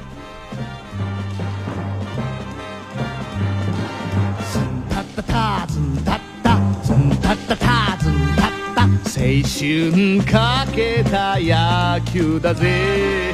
泣きたいこともあったんだ。痛快杉作 J 太郎の「ドッキリナイト3」火曜水曜木曜19時から生放送でお送りしています。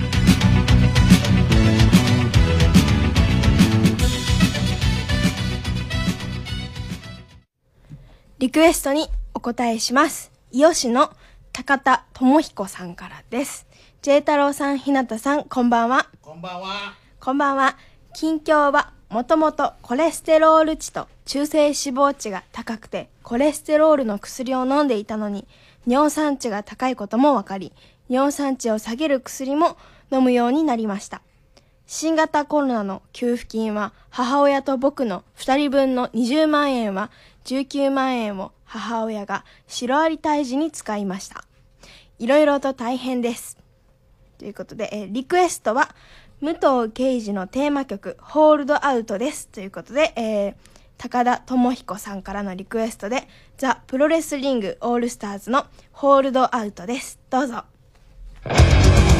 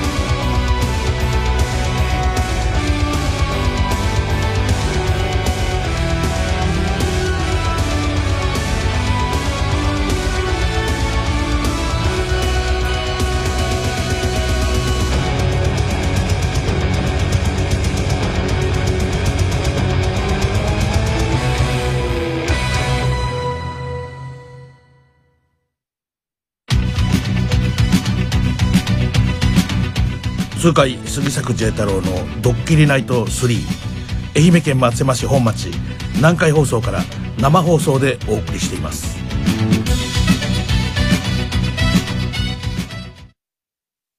はいお便りを紹介してまいりましょう、えーこちらは、えー千葉市のはい。はーはーへいへいほうほうさんです、先週は仕事が異常に忙しく、丸々一週間、ドッキリナイトを聞くことができませんでしたが、やっぱり杉作先生と日向さんの掛け合い、聞いてるだけで気持ちがほっこりしますね。脱線して、はい脱線して面白トーク炸裂の杉作先生の話を元の話に引き戻す日向さん、最高です。ありがとうございます。お世話になりました。本当なら今週から東京オリンピックが始まるはずの週でしたが、そうだったんだ。ドッキリナイトを聞いて気分を切り替えて明日を乗り越えます。ということなんですけど。東京オリンピックが本当だったらこれコロナが、このコロナウイルスというのが蔓延してなかったら、はい。東京オリンピックやってたんですね、今週から。うーん、そうだったんですか東京オリンピックははい。日本でやるから、はい。時差がないから、ああのーどんな風な放送になったんでしょうね。あ本当ですね。えだから、はい。昼間結構競技があったんじゃないですか？平日でも。そしたら仕事してる人なんかなかなか見れなかったでしょうね。あほんで、夜中に見るのかしら、再放送で。あ再放送あるんですかね？あるか。だって昼間はみんな見れないでしょそうですかあの、これが時差がすごくあったりするオリンピックなんかの場合には、はい。あの、夜中に、夜中にもう起きてる覚悟さえすれば、はい。もう全部見れるわけですよ。そうですね。ほんで、次の日、会社行ったり学校行ったりするのがもう眠たいのさえ我慢できれば、はい。もう全部見ちゃえばいいわけだから、あの、スポーツ中継は、僕なんかはね、あの、テレビで見ることで考えたらですよ。はい。時差がすごくある方が僕なんかウキウキしますね、やっぱり。うわ、今晩2時からだぞと。夜中の2時からだ。あ、今晩夜中の3時からウィンブルドンだよ、なんて言って。あ、たお菓子、お菓子とか食べ物買っとこう、みたいな。それまでにそれまでにお風呂も入って、あそうだそうだ、宿題も、宿題っていうか、宿題ってことないですね。宿題いいとしてね。あの、仕事もして、ね仕事も全部終わらしといて、そうだ、ほんでおにぎりかなんか、ちょっと、それ楽に見るためにちょっと仮眠しておこうかななんて思ってね。これが怖いんですよ。で過ごしちゃう目が覚めたら朝だったりして。ほんで、夕べの試合面白かったよなーなんて言って、うわーなんて言って、あの、そういう、見れてないみたいなうん、あの、そういう経験はないですか？まだ。いやうーんとまあ、ひな太郎さんはスポーツマンだもんね、本人が。見る側というよりもやる側なんでしょ？やってた側ですねやってた。やっぱり。そのやる側だった。はいやってた側でなおかつ世界陸上とかはよく見てました。やっぱりじゃあ、で、あ、見てた？世界陸上はよく見てました。あ、TOTO の。TOTO という会社がよくコマーシャルやってませんでした？世界陸上ですか？TOTO ウォシュレットみたいな。やってましたっけ？いや多分。よくやってましたよ。とあ、TOTO だけじゃないかもしれないけど、はい。TOTO はよくやってたんじゃない？私世界陸上の曲ばっかり聞いてましたね。どんな曲ですか？ちょっと待って。何でしたっけ？いや歌えるんですけどあのああの「オールマイトレジャー」だっけっていう曲があるんですいやよ、だっけって言われても僕は知らないですからね。あなたが笑ってくれるそれだけが僕のオールマイトレジャーってやつがあるんですようん。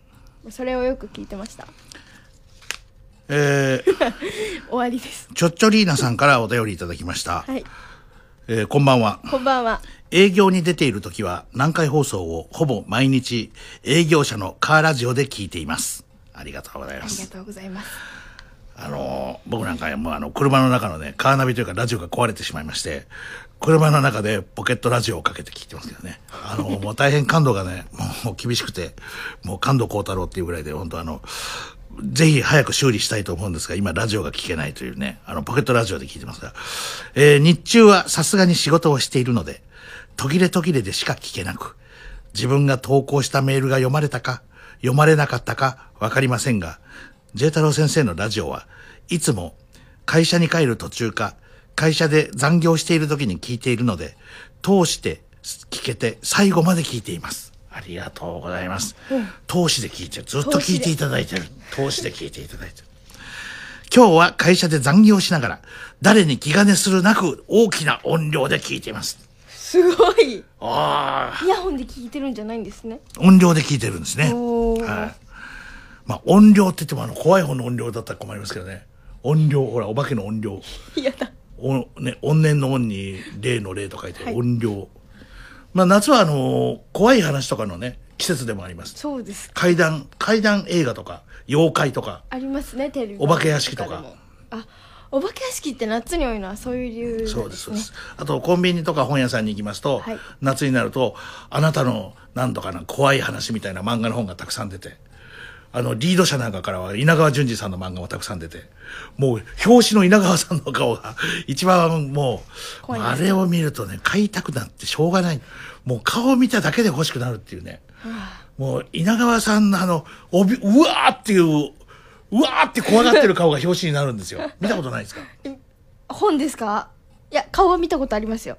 その稲川さんの怖い顔が表紙になってる本は見たことない？えー、本は見たことないかなちょっと微妙にブームがなブームが終わってしまったのかしら？いや今も今売ってますか？いやあのねブームの時には、はい。もう何社からも出てたんですよ雑誌が。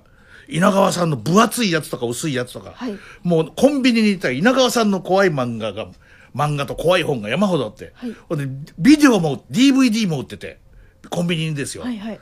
もう稲川さんだらけだったのコンビニの売り場が。えー、えー、ほんでテレビつけたらもう稲川さん出てて、エグザイルとか AKB48 とかモーニング娘。相手にあの怖い話して。それは多分私がコンビニ行ってもお菓子コーナーしか見ないような時期ですよね多分。コンビニのお菓子コーナーにもあったんだよ。ええ僕相当買いましたけど稲川さんの CD 怖い話の CD 付きのお菓子があったんですよ。あのね300円ぐらい。です CD で？うん、300円ぐらいに稲川さんの怖い話の CD がついてるんですよ。それが中に入ってるの、箱の中に。あの、よくたまに今でも銀ティ小林とその話になりますけど、よ杉作さんもそれ持ってるよ、持ってるやつじゃないですかって言うと、よく買ってましたね、って言ってね。もう何枚でも欲しくて僕が。もうあの、稲川さんのお菓子がもう、コンビニにあるだけでウキウキしても CD 付きで300円。えー。う、CD 付きで300円。の。えー、どのえー、で聞いたらすごい怖いのも売ってました？関東の何か所かに、覗きの池とか、呪いの沼とかありますね。みたいな。え全部同じなんですか？あのいや、いろんな話が入ってる。俺の話が入ってるんですか？うんえでも多分怖いお菓子って買うん怖くてああまあ、稲川さんの場合は怖いっていうよりい、やいやそれ知らなかったんですよ私そうですか。最近知ってあの、だから稲川さんのね、大ブームの時だったらもうあの、どこ行っても稲川さんがあったんですよ。だからあの、例えばね、普通のテレビ番組にも稲川さんがもうしょっちゅう出てきて、はいあの、こんな話がありました。先ほどあの、冒頭でおかけしました三人祭りのね、かご愛さん。はいかご愛さんは、あの、奈良県の出身なんですけど、その奈良県で子供時代の話なんですけどね。あの、かごちゃんが怖い話披露したんですよ。で、かごちゃんの怖い話っていうのは、座敷わらしみたいなものが出ると、家に。そして、私が子供の頃から誰もいないのに、誰かが家の中歩く音がしたり、パタパタパタって誰かが走ってる音がしたりしてたんだけど、あの、私が奈良を出て、東京に仕事でモーニング娘。で行った後は出なくなったんですって。ほんで、お母さんが出なくなったんだよって言って、ほんで、かごちゃんがふるさとに帰ってきて奈良に帰ってくると、またパタパタパタって。私が帰ってくると、パタパタパタってくるんですよ。で私がいないと、音はしない。お母さんも不思議だねって言ってて、確かに私も帰ると、パタパタって聞くんですよねって言って話した。ほんで、それ稲川さんが黙って聞いてたの、こう。はいこれは何なんですかねって言ったら、稲川さんが、うーん、その話は大事にされた方がいいですよ。あの、いや、あの、怖い話をみんながね、みんなが怖い話をしたいわ、怖い話職業みたいな感じでしたよ。その話は大事にしてください。いい話ですね。大事にされてください。あの、大事にした方がいい話と、どうでもいい話があるんだと思います。はいあの、稲川さんにとってこれはいい話だな、欲しいなぐらいだったと思うんですよ。あそう、その話欲しいなぐらいの。これは、かごさんという、かご愛さんという方から伺った話なんですけどね。みたいな本当は欲しかったのかもしれないです欲しかったんだねえ僕もあの稲川さんの前であの怖い話何度かさせていただいたんですけど、はい。僕には言わなかったですね。その話大事にしてくださいとは。どういうコメントをいただいたんですか？覚えてないです。もうあのあんまりもうそもそも怖い話じゃなかったんですよ。僕も大丈夫かなと思ったら怖いっていうよりも不気味な話だったんでね。ちょっと違ってたかな。稲川さんはね不気味な話よりは怖い話。もしくは稲川さんってやっぱりねいい話が好きなんですよいい話？いい話好きなんです。怖い話にいい話。うーん。うん。稲川さんロマンチストだからやっぱり。かつてモルモットおじさんってのもやってたんですよ。稲川さんはモルモットおじさんっていう仕事もやってたんですよ。どういう仕事なんですか？ハングマンというテレビ番組がありましてね、はい。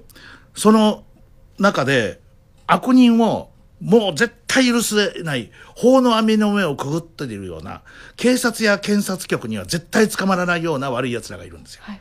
で、それを始末できるのはハングマンだけだっていうんで、まあ、あれ、誰だったのかな山村壮さんから、天地茂さんから、なんせボスがいまして、はいゴッドってボスがいましてね、神ですよ。ゴッドからの指令で、あの、その悪い奴を退治する。その悪い奴を退治するときに、まあ、殺すわけにいかないから、あの、悪いことしたのを、あの、満、満点下にさらすわけですよね。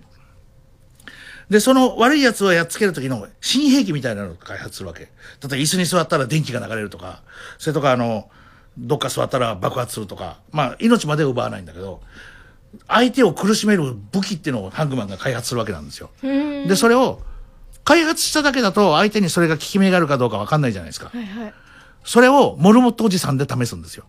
で、そのためだけにモルモットおじさんっていうのが、うん、モルモット、モルモットおじさんっていうのが、ハングマンのグループの仲間じゃなさそうなんだけど、ハングマンのそばにいつもいるんですよ、モルモットおじさんが。そしてそのモルモットおじさんに、よし、モルモットおじさんで試してみようって言って、ほんで、モルモットおじさんがバーンとか爆発してね、真っ黒系になったり、あの、へー痺れたりしはいて、ビリビリになったりすると、あの、よし、成功だ、よし、やるぞっていうなるんだけど、モルトモ、モルモットおじさんだけは、悲惨だな悲惨だなって言ってるっていうね。あのモルモットおじさんは一体何だったんだろうっていうね。で僕あの稲川さんにお聞きしたことあるんですよ。はいあのモルモットおじさんってすごい役だったですねっていう話をしたんですけど、まあ稲川さんのお話が面白すぎてね、ああ、あれはさって聞いたんだけど、覚えてないですもん。稲川さんもっと残酷な目によく遭っててね、何十メートルのものすごい高いところとかを命綱つけて歩かされたりしたらしいんですよ。ええだからまあそういう残酷なことも世の中にはあるなという。えまやったことまありますか？高いとこからいや、ない、ないです。僕はあの、一度あの、バンジージャンプをししに行ったら、体重制限で飛べなかったです。あの、その体重の人はもう飛ばせませんっていう。飛ばせませんええちょっと今、本当体重が増えてきてるんで、はい見ててください。ダイエットしますよ。先ほどあの、三谷隆二解説委員から、はいジェイさんまた太ったんじゃないかって言われましてね。まあやっぱり三谷さんはほら断食してたから、僕も、いや、見ててください。僕も断食しますよ、みたいな。断食上等。もう今度断食上等で頑張ります。もう、あの、今は食べましたけどね。おだどうでした？うなぎのおにぎり。美味しかったですありがとうございますどれぐらい美味しかった？どれぐらい美味しかった？相当美味しくなかったですか？あのー、なんかうなぎの美味しさがタレとなんか合ってました美味しかったですほんと僕も今食べてね、こんな美味しいおにぎりは、そりゃ期間限定だろうなと思いまおおした。にぎりでこんなに美味しいのはちょっとびっくりでしたね確かにこんな美味しいおにぎりは、これは期間限定だよと思いました。そうじゃ、数量限定ですあ、あ、そう、うん数量限定だと思いましたよ。そう、そうじゃないとだって、みこれしか売れなくなっちゃうもん。多少高くても。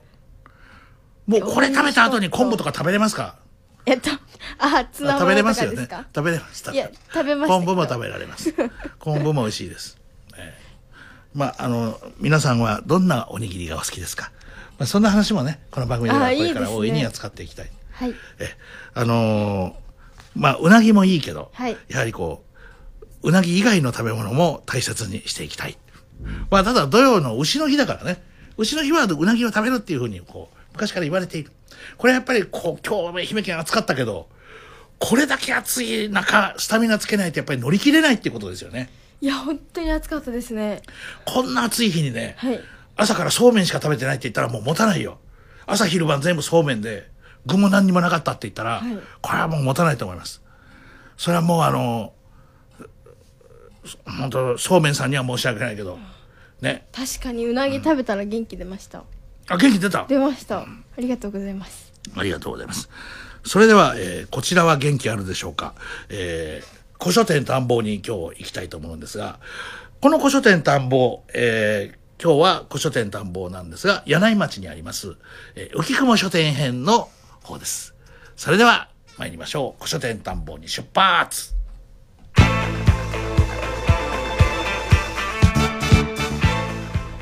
古書店探訪ギブアップギブアップあんたたちにはもう手上げだよ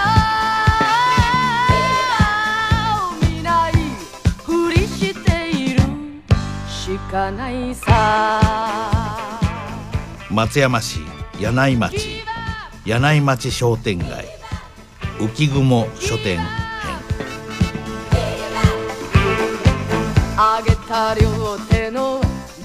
出演内田名人。杉作 J 太郎。しかないさいやーちょっとこれね本当にあのー僕のね印象だと本当にちょっとまずねレイアウトがおしゃれだって先生もおっしゃってましたですよね。まずあのインテリアといいますかこの棚もなんというんでしょうかあのクラシックなこの木目を使った、丁寧に木箱に入れられてね。多分古,、こ古い家具だと思うんですけれどもそういうのをやっぱりモダンにこう配置していくみたいな、なかなか本当におしゃれといいますか、カップルで来てるとなんか本当絶対にね。文化系の素敵なカップルに、ね。あー。口説けるんじゃないこんな僕でも口説けるんじゃないか。あき帰ってきた。ちゃんと。ちゃんと本当に買っていいか あの確認を取ってまいりましたんで。あの買っても買ってもいいということであのいやちょっとね僕僕としてはねあそこあそこあんなにかポコッと取ってしまっていいのかっていう気持ちはあったんですけど。結構空きましたからねあそこ。ただね、見てください。僕は、僕はね、言っておきますよ。僕は植地君や吉田君とは違いますよ。植地君と吉田君だったら、手当たり次第にもう全部持ってってます、これ。もう焼き跡。僕は植地君、吉田君と一緒にしないでください。節操あるということですね、うんもうちょっと待ってくれ。植地君にないみたいなこと言いましたね。僕はそんなことは言ってませんからね。もらい事故私のいやでもちゃんと残ってますよね先生さすがです残してるよ庄司貞夫集とかね横山泰造集とかも残してあります残してあげました皆さんぜひチェックをいや、向こうにも残してあげてるじゃないですか。あ白戸三平集ですね、え白戸三平も白戸四平も残ってますよ。白戸五平も。4ペあるんだったら欲しいですよ いやーちょっとじゃあ僕もね買いますよこれ絶対にあるあ、また出たさ、長谷川慎さん。あ、本当？もう強いですね長谷川新物にやっぱり、いや、今ね、長谷川新的なものがね、世の中から消えかけてるから。というといや、情けとかね、温かみみたいなものが世の中から本当に消えてきてる。いやでも本当にこれ文化度が高いといこれ、これ君好きじゃないの ?CIA 広く。記録シリーズありますよまだ FBI 記録これ相当いいんじゃない？これはなんかのこれが本棚にあるだけで、普通の女子だったらもう逃げていきますから。そんな後ろぐらい女子ばっかり彼の部屋に来て、彼の部屋に来て CIA 広くがあったら、手が伸びると自分。自分まで操作の手が伸びる。モテる本ではないんですかこれはこれ。いや、そんな女は帰って結構。ねそんな、そんなチャラい女は。ええ。なるほど。こういう僕は今まであの、そういう女性にはみんなに、みんなの背中に言ってました。よ。チャチーゼ。決めますね随分。い。やでも僕ね先生先生が気になおすすめのこのやっぱ奇想天外サブカル書のねあの元祖的な。元祖ですよ。はいどんな方が書かれてたんですか？FSM もいいしえー。あ SF もねさっきあ岸田理央さん。あ脚本も書かれてる方ですよね鈴木泉さん。はい。日本の方が多いですね。多いですね。翻訳とかじゃない。あ筒井さんも先ね生もちろん。へえこれはちょっと本当に気にはなりんクラですよねこれシックジャパニーズ F SF って感じですね。うん。やっぱりね、あの、そうだと思うんですよ。サブ、サまあ、サブカルチャーってことないけど、やっぱり SF っていうのはかつてはかなり異端というかね、うんあの、文学界でも、それで筒井先生もご苦労されたわけですから、うん。はい。で、今度その、まあ、もうやってるかもしれないけど、あの、この番組で、えー、全て放送するという。なるほど。えさあ、どうですか？で、ドン君も、もはい。う買うなら買っといた方がいいかもしれませんよ。選びましたか？本当にあのなんかセレクトされてる感は非常に高いですよね。そうですね。しかもきっちりとさっきのねあの SF これは相当素晴らしいと思いますよ。短時間でも入れる？その雰囲気の。そうですね。ななんでそっち戻っていくの？こうこう回りましょうよ、ほらほら。ここがあのだからブブロックブロックで、どんなにがあるっていうのが分かりやすくすごくまとまってますよね。そうですね。ここはもうイラスト集だったりとか写真美術書そうですね。あのドン君は一言でうまく言いましたね今ね。誰ですか？あのイラストとかなんかあのわけのわかんないこと言ってたの。いや分かりやすくね。あのどういう本がねあるか分かりにくくなりました本当にあということで古書店担保し次はもうドンさんのコーナーになるかもしれない。三したらもうすいませんなんで泣いてんですかな悲しいです先生ともうお別れするのにいやでもこのこの辺の推理小説もいいじゃないですか。この大下うだちさん。花後ろはミステリーのねベテランは銀影城いいじゃないですかえこの辺り。銀影城あるんですこれですね。うわー本当だ別冊現影城1976年のうわー。うわこれはねこれ本当に多分これは本当に価値を分かってらっしゃるっていう。これほら。これは急増落日の？これも買わせていただきます。先生。がっつり自分の買い物ですね。まあそうなんですけどいややっぱりね、この古本屋でねパッパって手が伸びるかどうかが日頃から、あの鍛錬してるかどうかです。やはりやはり自分が欲しいもの自分がどの世界が自分が求めてるかがね。もうパッと分かるわ私なんかもまあ本に惹かれてるぐらいなう本だけじゃないもう女性でも何でもそうです。言いますね私は。もうパッと。初動が早い女性のパワーあんま見たことないですけど。初動が早い。見る前に決まってます私の勝負は。はい。止まらないぐらいのスピードなんですすごいなじゃじゃあドンさんなんか呼ばれてるものありますパッといきそうなものそうですね。私やっても本当にこの辺のクラシックの SF とかあの早川の古いものとかも結構面白いなとさっきの現影城気になりますねこあれね。確かに。松本清張先生、もう間違いない。梶井さん梶井元次郎先生レモンを、はい本当にねセレクトが素晴らしいですね。武田大戦全集はいはい。進んでまいりましょう。いやこれ本当ねあのあれですよ、普段自分が読んでる本だけじゃなくてねパッと見た瞬間にあなんか俺この方面も興味あるかもしれないなっていうのと出会う場所ですから、あの自分が欲しいものだけを求めてたんでは世界は広がりません、はい。内田君の古書店の使い方は間違っているというね。あなたの推理は間違っているみたいに。じゃあ、じゃあですよ、先生。僕見つけました、そういうの。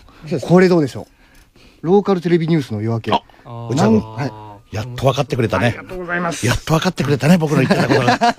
長く、長くこのね、シリーズやってたんで。はい。これですね、南海放送報道部外伝。え？あ本当だすごいこれすごいじゃすない。ごいじゃないですかね、これは。うん。与田実さんっていう方の著書なんですけれども、うんこれ多分南海放送さんの歴史書あ、でもお値打ちですよ。あの、本当に。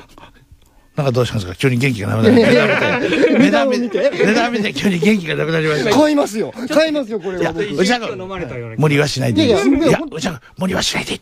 まず置いとこう。まず一回置いとこう。いや、本当に買いますよ、それは。南海放送？いや、でもね、僕はまあいいじゃないですか。まず置いとこう。はい。何ですか、その、自分はこんだけ買っといて。あちょっと、これもいいじゃない。ヒーローともえさんの本。うわ、すごい。宇野重吉一座。買わさせていちょただきっと待ます。ってください。さっきの値段より絶対高いですからね、先生の方が今。いやいや、これ300円ですからね。えーいや僕も買わしてくださいよ。あ、いいですよ、いいですよ。はいはい。ちょこれはやっぱね、あの、いろいえー、ろ。なんか顔でね、あの、星香さんみたいに、あの、い俺なんか言ってたけどやめてやめてみたいな。いやそんなことはないです。本当に僕は興味があります。、星川さんみたいな顔してました、今。まあ今、今やもうね、あの、辞められて一般人にななられましたけど、は いそうですね。奥様ですけど、奥様になられました。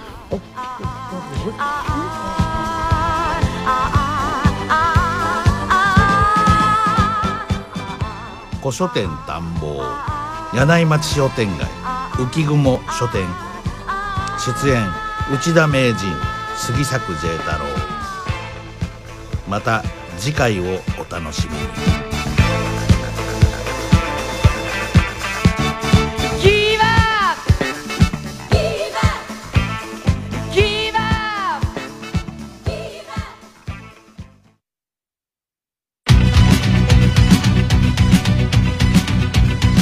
痛快杉作 J 太郎の「ドッキリナイト3」生放送でお送りしています。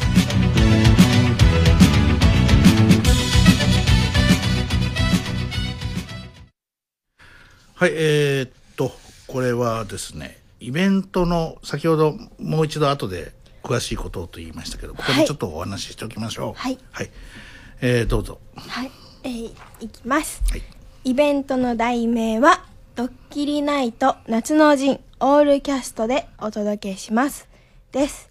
尾行は会場は十分な距離を取りコロナ対策のガイドラインに従って運営いたします。南海放送正面玄関からお入りください。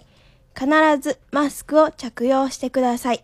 イベント前は極力心の中で笑ってください。えーで、えーイベントはローソンチケットで購入することができます。L コードは61577、61577です。5桁です。で、受付は2020年の7月24日、金曜日23時59分まで可能ですので、えよかったらギリギリでも大丈夫ですので、え今からお買い求めください。コロナ対策はしっかりしています。以上です。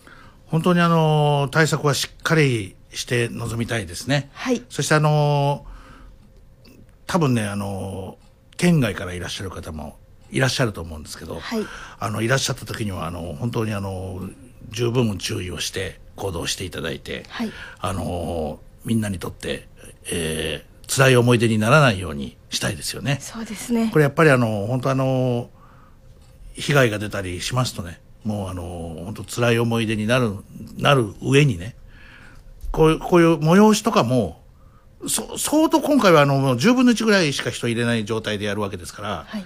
あのまあ本来はそれはもう工業的にもありえないような話なんだけどやはりそういうイベントもやっぱりややらないよりはややっていかないと、はい文化的にもどうなんだろうっていう話もあるわけでねだからあのこういう時にどんどんどんどんやっぱり悪いことが起きてしまうと結局何もかもできなくなって例えば飲食店なんかもじゃあもう全部閉鎖だとかもう催しも全部閉鎖だとかあのなってしまうんだけど一人一人がちゃんとして流されないようにしなきゃいけませんね。これだから目の前で何かしたいと思った時にね、はい。例えばこう握手握手とかしたいと思ってももうそれを我慢してプロ野球でもやってます。あの今エアエアグータッチみたいな言ってましあとたね。エアハイタッチとかね、はいはい。あのエアでやってるんですよみんな。こエアで。う、うん、だからあのエアでエアでやるまあまああまあまあ僕たちがかつてエアのだジャンルでねかなりのことをやってねあのやってましたんでエア慣れしてますんでねあのエアで全部やればいいんですよ。もうエアでそうです。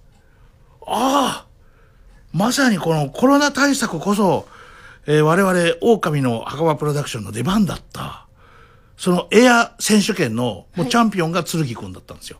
第4の狼と言われている剣みきろうが、えー世界チャンピオンでしたから、あのーえ、世界チャンピオン？世界チャンピオンだったんです。え？ワールドチャンピオンです。すご。はい。まあですから、あのーそんなんがあるんですね。あるんです。だからね、エアでね、今回もだからエアで全部やっていけばいいです。だから本当あの、私でもできるんですかね？いやいや、だからそうですよ。だから握手とかをしちゃいけないんですよ。何言ってんですかあなたがしなきゃいけないんのですよ。エアですね。そうです。全部こエアで。こんな、こんな感じで。こここあんまり近寄らないようにしなきゃいけないんですあ、よ。これぐらい。もちろんですよ。で、歌を歌う時もマスクして歌うんですよ。あ違うのかなまあちょっとそれ考えましょうね。確かに歌う時私も何か気をつけてやったマスクして歌いましょうかそうですねマイクまあそのあなしたでり大変歌いましょうか、難しい部分もあるかもしれないですね。どうやって歌おうはい。ただまああの歌手の方とかはやっぱりマスクしては歌ってないと思うね。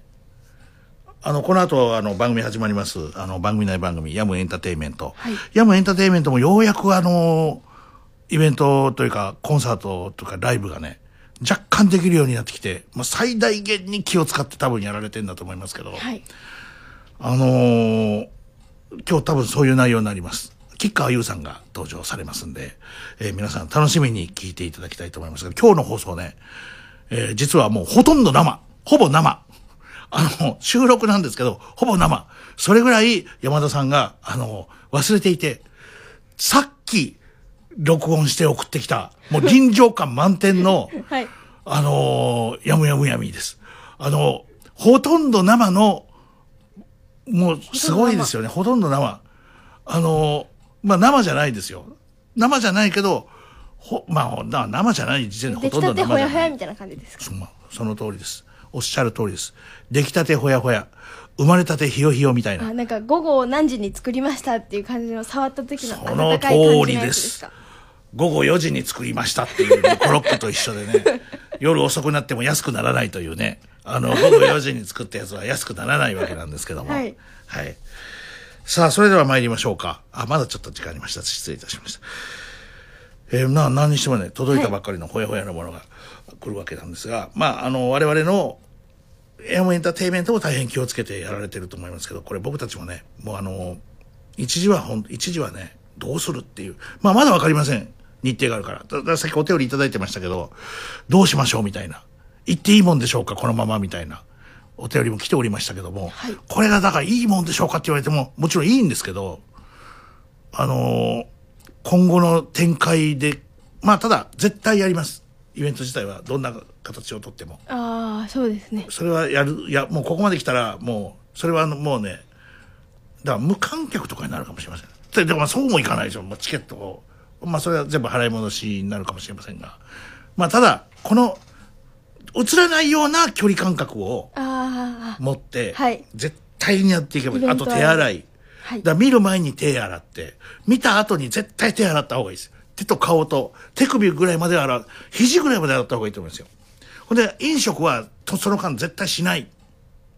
今僕たちし、あの、おにぎり食べましたけど、はい手は洗ってきてましたもんね。あはいだから、あの、絶対に手洗いとかする前に飲食をしてはいけない。だそれはもうあの、ば、とにかくしっかりやっていきましょうよ。そうですね、はい、それでは参りましょう。今日のやむやむやみ、吉川優さん、どうぞ。ヤムエンターテインメントのやむやむやみ。出演、山田正治。ヤムエンターテインメントのメンバー。この番組は、ヤムエンターテインメントのメンバー、アップアップガールズ、かっこかり、吉川友、アップアップガールズ、かっこ2期、仙石みなみ、アップアップガールズ、かっこプロレス、青山真由、和田彩花が入れ替わり立ち替わり登場し、山田昌治社長と話し合う番組で。す。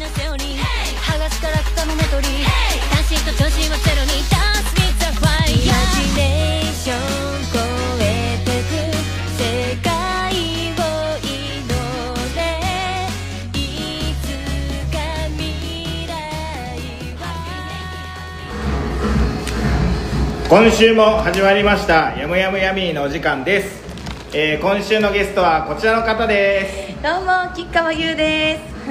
こんなうるさいとこで初めてですよラジオ収録するなんて。しょうがないです。しょうがないですか？今日何なんでこんなうるさいんですか今日は？今日は726、えー、とコロナ明けての自粛明けの一発目のお客さん宛てのライブリハーサルをやります。ついにお客さんを入れてのライブをやっちゃうわけですね。はい。2回も中止になって。確かに。っていうか汗かきすぎじゃない？いや歩いたら普通に汗かきました。いやすごい。新陳代謝が過ぎでやばいです。今回の見どころは何ですか？なんといっても新曲じゃないですか。新曲。はい。暇つぶしですか？いや違いますよ。え？違う違う。何？いやそれも新曲だけど。はい。いや違います。タブーです。え？タブーとは？説明してあげてください。聞いてる方に。坂上洋介さんに書いていただいた新曲になります。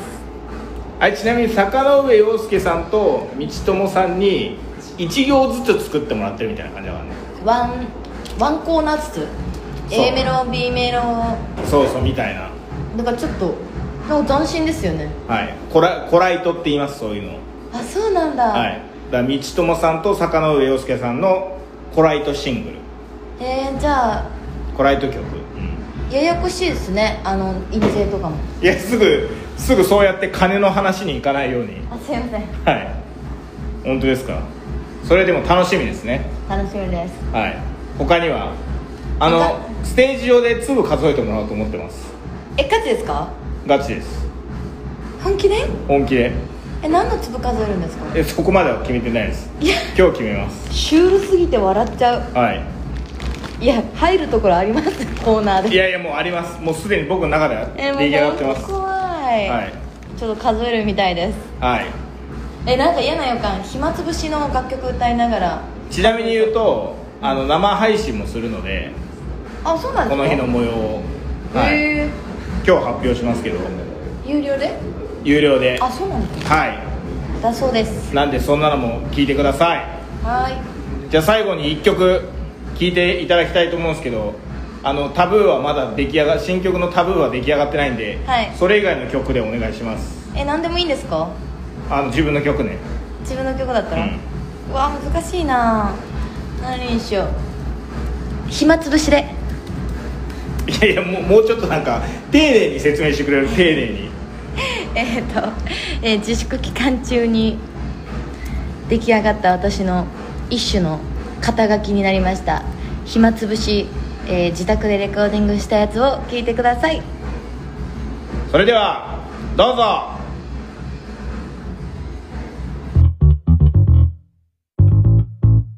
Ladies and gentlemen, represent 茨城 Come on. あ数えた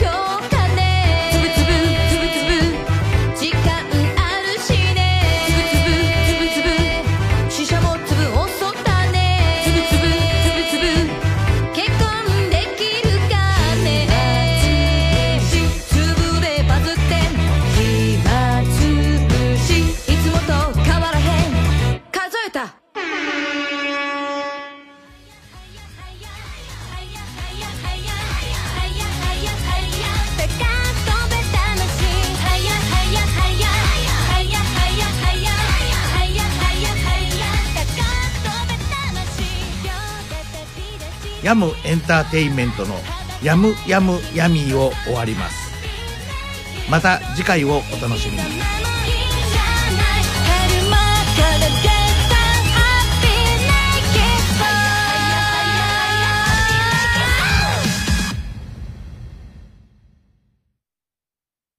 モーニングディライトとは、です。モーニングディライトブリーズは、好きです。山下康則は、とかです。熊本文さんは、やります。女というのは、まあ、ものですね。男というのは、マンです。人生とは、月曜から木曜の午前モーニングディライトとモーニングディライトブリーズを一つ吉名にガチですよ。赤裸々ですよ。朝のラジオでは言えないな。ミュージックスクランブル今週の一曲ですハイパーヨーヨでお家で聴きたいサマードライブアンセム。怠けブームも去ります。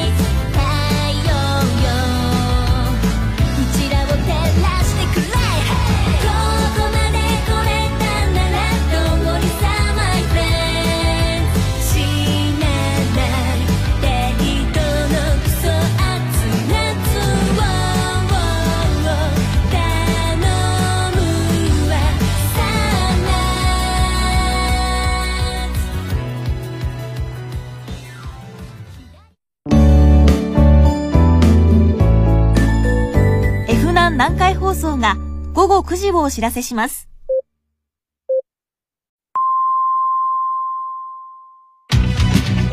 痛快杉作 J 太郎の「ドッキリナイト3」火曜水曜木曜19時から生放送でお送りしています。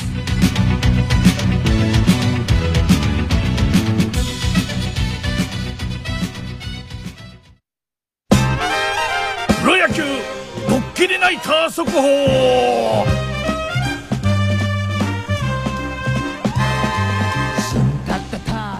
はい、えー、試合がどんどんどんどん進んできております。まずパリーグから参りましょう。楽天オリックス4回戦、えー、楽天生命パーク宮城、オリックスアルバース、楽天石橋で先発、それぞれ先発でスタートしましたが、試合がすでに7回まで進みました。9対3、9対3で、えー、H さん、おめでとうございます。オリックスが6点リード、ひっくり返しました。えー、オリックスが6回に4点、7回に5点の9点を取りまして、試合を華麗にひっくり返しております。えー、楽天ファンの日向やさんにはいって言ってしまったあ、いやいや、でもいい、いや、あのね、自分が応援してるチームじゃなくても、それ相手チームを、それ頑張ってるのを頑張ってますねって言えるのはね、尊いことですよ。もう大事にしてください、それ。もう稲川さんじゃないけど、日向さん、その気持ち大事にしてくださいね。大切にしてください。はいえーホームラン、ブラッシュに2号、ツーラン。あ、違う、ブラッシュ2号のソロホームラン。そして、あーこれ、若月の満塁ホームランが出てますね、6回にね。えー若月の満塁ホームランが出ておりますオリックスが9対3で6点リードと。これは H さんもお喜びでしょすごい。う。続きまして、ソフトバンク日本ハム7回戦、こちら、逆転しました。先ほど1対0でソフトバンク勝ってましたが、日本ハムが7回に2点を取りまして、逆転に成功しております。現在試合8回まで進んで2対1、日本ハムが1点のリード、ソフトバンクがリードを許しております。逆転多いですね。逆転多いですね。ソフトバンクがやっぱり得点能力が落ちてるね。これはどう見ましても、これだけもつれている感じの試合でありながら1点しか取れないというのが。ただソフトバンクはね、あの、あの二人が帰ってきたんですよ、日本に。あの、えーデスパイネとグラシアルが、昨日ですかね、昨日か19日っていうから、えー、おととい。一昨日、おととい帰ってきまして。あただあのキューバがあの母国キューバがあのコロナで大変なことになっておりまして、はい。えーそこから来ましたもんですから検査に時間がかかります。ですからこれからまだしばらくの間試合には出ら出られないので、えーこのコロナの、えーいわゆるもう絶対この人安全だってなるまでにやっぱり2週間最低2週間かかりますから、はい。えーその後の合流ということになると思いますが、まあ何にしましても、デスパイネ、グラシアル、この二人が戻ってまいりました、ソフトバンク。これはもう竹内愛樹さんもね、お待ちかねだったでございましょう、これ本当ね。はい。竹内さん。はい。えー続きまして、えー言いましたね、2対1で日本ハムが逆転に成功しました。はい。続きまして、西武ロッテ6回戦、メットライフドームですが、こちらも、あ、こちらは、あ、こちらも逆転してますよ。えー西武が8対3、現在試合8回まで来ましたが、西武が逆転しました。8対3で5点リード。えー先ほどお伝えした時はおそらくね、はい。えー3対1でロッテが勝ってたんじゃないかと思うんですが、違いますかね。3対4だったのかな西武が1点リードしてたんだろうか。まあ、何にしましても、西武がその後、えー6回に4点を取りましてね、8対3、現在西武がお大差5点のリードであります。以上、パリーグ。え、じゃあ逆転多いから。セリーグもそうかもしれませんね楽しみですね。はい。まずじゃあその逆転してるかもしれない広島。逆転の広島と言われた時期もありましたからね。1、2年前には。はい。2、3年前には。はい。果たして。長くなった。うん、果たしてどうでしょうか。阪神、広島3回戦、甲子園球場で行われておりますが、おっと出ました鈴木誠也8号ツーランが出ました。えー鈴木誠也に8号ツーランが出ましたが、片や阪神タイガースも北条に1号が出ております。で、点を取ったり取られたり、広島カープはピッチャーが栗、フランスは高橋、薮田、DJ ジョンソンと続いてきました。そして阪神は秋山から馬場、岩崎。さあ、ピッチャー次々繰り出してきているということは、点が結構どっちも入ったということ。先ほどは阪神が勝ってましたが、今はどうか広島が4点になってますところが、阪神が8点になっております。えーは広島が取ったよりも阪神の取った方が多かったということで、今現在8対4、阪神強しと。はい。強いですねえー名古屋ドーム中日巨人の4回戦、こちらは、現在試合9回も最終回来てます。えー巨人は菅野の先発、中日は山本の先発で始まりましたが、えー大城2号、岡本の10号などが出まして、巨人が4対0、4対0で巨人を、巨人が4対0で中日をリードしております。中日は結局このまま終わってしまうと0点で終わってしまいますね。これはえらいことになりました。やっぱりあの、高橋周平、アルモンテ、そして平田までがいなくなっておりますから、大変な状態だと思いますが、うん続きまして DNA ヤクルト4回戦。こちらは、えー原樹里の先発、ヤクルト原樹里、DNA ピープルズ、ピープルズの先発で始まりましたが、現在はヤクルト清水、DNA はエスコバーが投げています。青木に5号、梶谷4号、その後梶谷続いて5号も出ております。梶谷4号、5号出ております。ということで、どうなったか言いますと、現在試合8回まで進みまして、6対4、6対4でヤクルトが2点のリードです。ヤクルトも強いですよ、今季はね。そうですね、うん、あのー確かに仲良く勝ってるような気がします。以上あのプロ野球ドッキリになった速報だったんですが、ここでちょっとプロ野球の、えーお便りもいただきましたので紹介します、えーこちらベースボールこぼれ話ということで先ほどいただきました、えーバールイーターさん、えーラジオネームバールイーター式はカーブを投げたさんです。こんばんは。ライオンズの山川もピアノを弾けますよと。おネオアキラだけではない。ライオンズの山川穂高さんもピアノを弾くと。こんばんは、山川穂高です。そして、平田、平田良介のピクピクした打法。昔、種田という選手がいたので調べてみてください。同じ中日ドラゴンズの選手でね。種田という選手がいたので調べてください。そして、ひょうたは広島に行ったら探してみます。よかった、お便り送っていただいて。ひょうたは松山ですよ。あの、広島で探しても、そのひょうたの大将はおりませんよ。そうですあの、松山、多分ね、球場で達川と揉めたって言ったから広島だと思ったんだと思いますが、松山で練習試合かキャンプか何かの時にの出来事なんですよ。キャンプの紅白戦だったかもしれないし、はい。公式戦だったかもしれませんけど、はい。えー大将と大将がそう坊ちゃんスタジアムで大将がヤジを飛ばしてたのを達川さんが「なんだとてめえこの野郎!」みたいな客席まで行って大喧嘩になったというね、はいはい。ところが大喧嘩になった後はあのお店に行ってまたお店に行っても多分文句は言ってたんでしょうけど奥様と一緒にいつも来てたそうなんですよご主人が、はい。そしてあのある時に奥様がいらっしゃってないので「あれ奥さんは?」って言ったらねあの去年亡くなりましたみたいなことがあってあの一緒にあのその時もお参りしたとか言ってました。だから最初はどんな出会いであってもはい。仲良くなる人は仲良くなれるし、ああなんか素敵ですね、うん、あの、やっぱりね、あの、出会い方は、いろんな出会い方あると思いますやっぱり人間だから。最初から、最初からあの人のことすっごいもう気に入ってとか、最初からすごく気が合うんだよな、みたいな方がむしろ、なんかちょっと問題が残るかもしれませんね。あの、最初は、僕もね、長い人生の中で思い出してみると、はいもう最初会った時にね、もう絶対こいつだけは勘弁してくれみたいなね、嫌なやつだな、みたいな、あの、そういう人がもう何十年もやっぱり付き合ってますね。あだから不思議なもんですよ、これは。で、最初からやっぱりいい人だな、みたいに思った時ってね、はいまあ、それもいい人の場合ありますけどね。まあ、わからないもんです。ただまあ、まあ最悪、最終的に人間は、ねうん、はい人間は生まれてくる時も死んでいく時も、一人は一人ですから。これはあの、やけくそになれっていう意味じゃなくてね、僕が言いたいのはね、はいやはり自分の行動に責任を持たなければいけないっていうことです。助けてくれる人は結局は死ぬ時にもいない。生まれてくる時にも誰も助けてくれまあ、サンバさんとかね、産婦人科医は助けてくれますけど、結局人間は一人で生まれて一人で死んでいく。それ考えますとね、やっぱりあの、しっかりしてなきゃいけないのは自分だなっていう、僕はそれ時々考えることあるんですよ。へえええやっぱりこう、あの、誰かに、誰かに助けてくれとかね、誰かになんとか、誰かに、誰かの文句言ったってこれもうどうにもならない。結局は僕のことは僕しかわからないわけだから、あの、しっかりしてなければいけないなっていう意味でね、そうですね、全然話が変わってきてしまいましたね。なんでそうなっちゃったっけ？はい。あの、ひな太郎さん、なんか質問ありませんか？質問します、はい、えー、J 太郎野球道場ということで、えー、野球に対する質問を一緒に考えてまいりましょはい。質問です。はい。一塁に人がいてう。はい。打つ人がいます。その時に、あの打つ人がちゃんと打ててないのに、一塁の人が頑張って走って、二塁に行ってなんかセーフになって、なんかおおってなる時があるんですけど。一塁の人はどあのバッターはどうしてるんですかその間？バッターは多分打ててないというかままだ立ってんのバッターボックスに。あはい。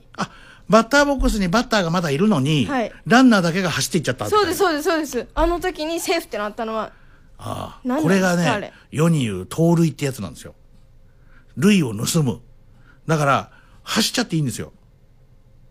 どうして？あのねさっきも言いましたね。ボールがデッドと生きてる状態と死んでる状態っていうのがあって、はい。いわゆるタイムみたいに審判がかけるとそれはもうゲームは止まってるわけ。もう動いたり走ったりしちゃいけないんだけど、はい。プレイってかかって試合が試合が始まっていいってなると、ボールはライブなんで生きてるんですよ。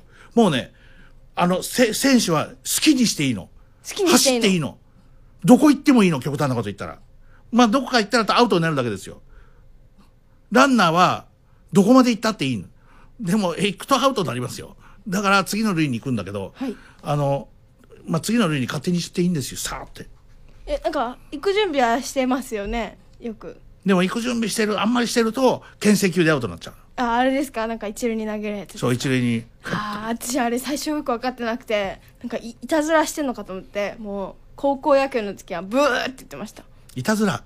えなんかいじわいたずらない意地悪意地悪してるんかと思って、はい。一塁の人に。はい。よく分かってなくて、はい。でなんかそしてやめろって言ってブーって言ってたの。そう女子全員でクラスメイト全員で「やめろよもうそこはもう人がおるんやから投げたらダメでしょ」って。いやなんで新鮮な野球の観戦をブ ーって。いやいいいいことじゃないですかそれはそれでってなったんですけど。それブーって言われた選手も困ったでしょうね。俺たちなんか悪いことしてるかなみたいなね。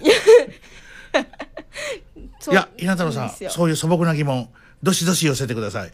僕だけで解決できないことはあのーこの番組の、えープロデューサーでもあります藤田裕次郎さんがなんといっても甲子園に出てるピッチャーですからあ藤田さんが教えてくれますしねこの番組を聞いてらっしゃるな方の中には元プロ野球選手もいるかもしれない。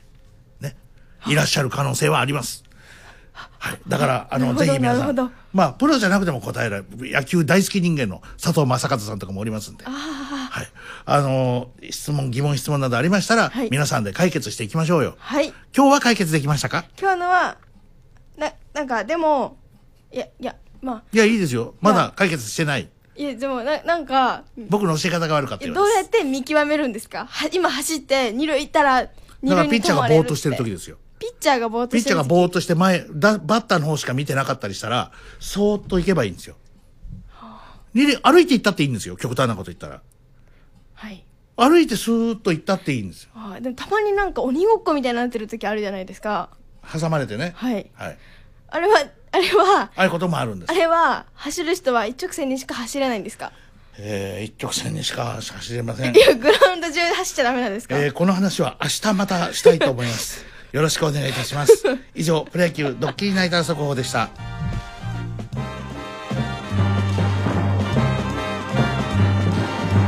タッタターズンタッタズンタッタターズンタッタ青春かけた野球だぜ泣きたいことも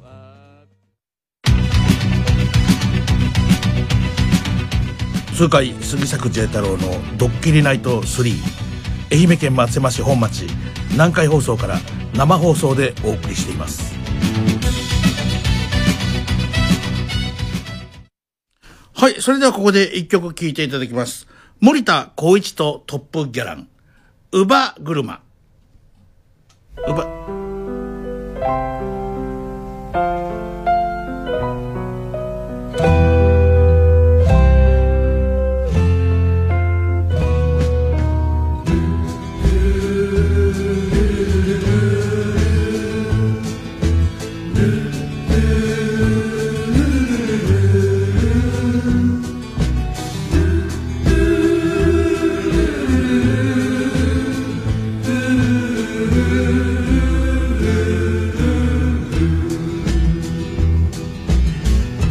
珍しく晴れた日の坂道を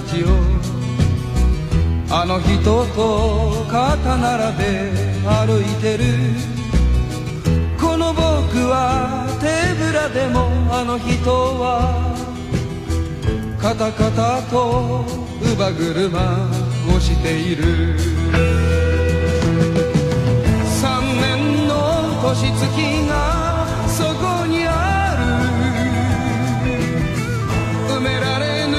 年月がそこにある盗み見た横顔は今もなおあの頃のあの人の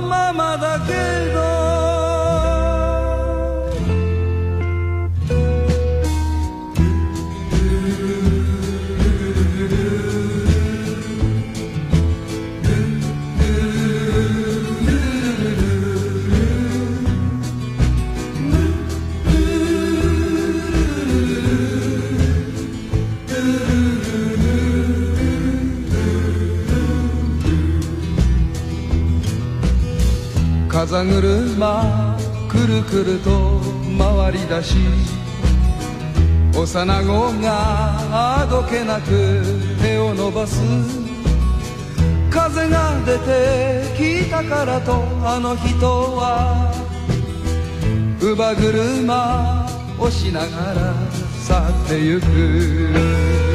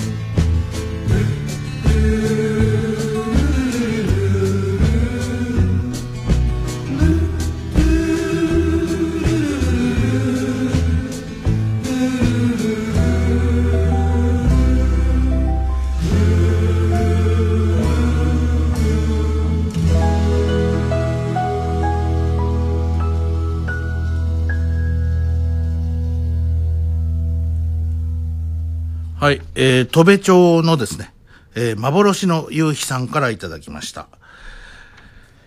えー、今日はめちゃめちゃ暑かったですね。心が折れかけましたが、なんとか踏ん張って仕事しました。一っ風呂浴びて綺麗さっぱりして、土曜牛の日恒例のうな丼食べながら拝聴させていただいています。まだまだ梅雨明けしませんが、明けたら明けたで猛烈な暑さが待ち構えています。暑い夏は好きな季節ですが、猛烈な暑さは勘弁ですね、っていうことで。うーん、これやっぱりあの、やはりね、この、気持ちがちょっと弱くなってる部分がありますから、このコロナで長くで。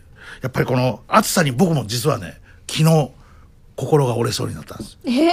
昨日、昨日今日もしんどかったけど、えー、今日お別れの曲です。はいえー後ほどまたその話をします。はいお別れの歌、唐十郎さんで、さすらいの歌。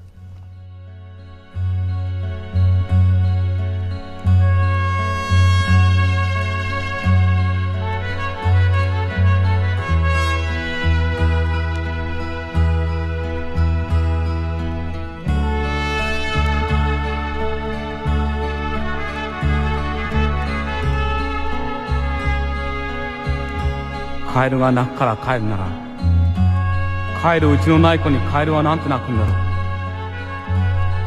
やはり帰ろう帰ろうと泣いたら帰るうちのある子のためだけ泣いて帰れなくなっちまったカエルもいるんだろうな。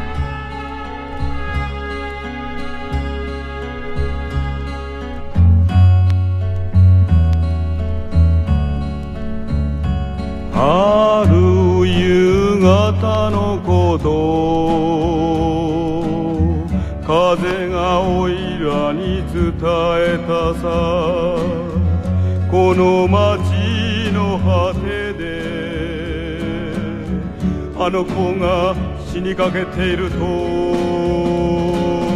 俺は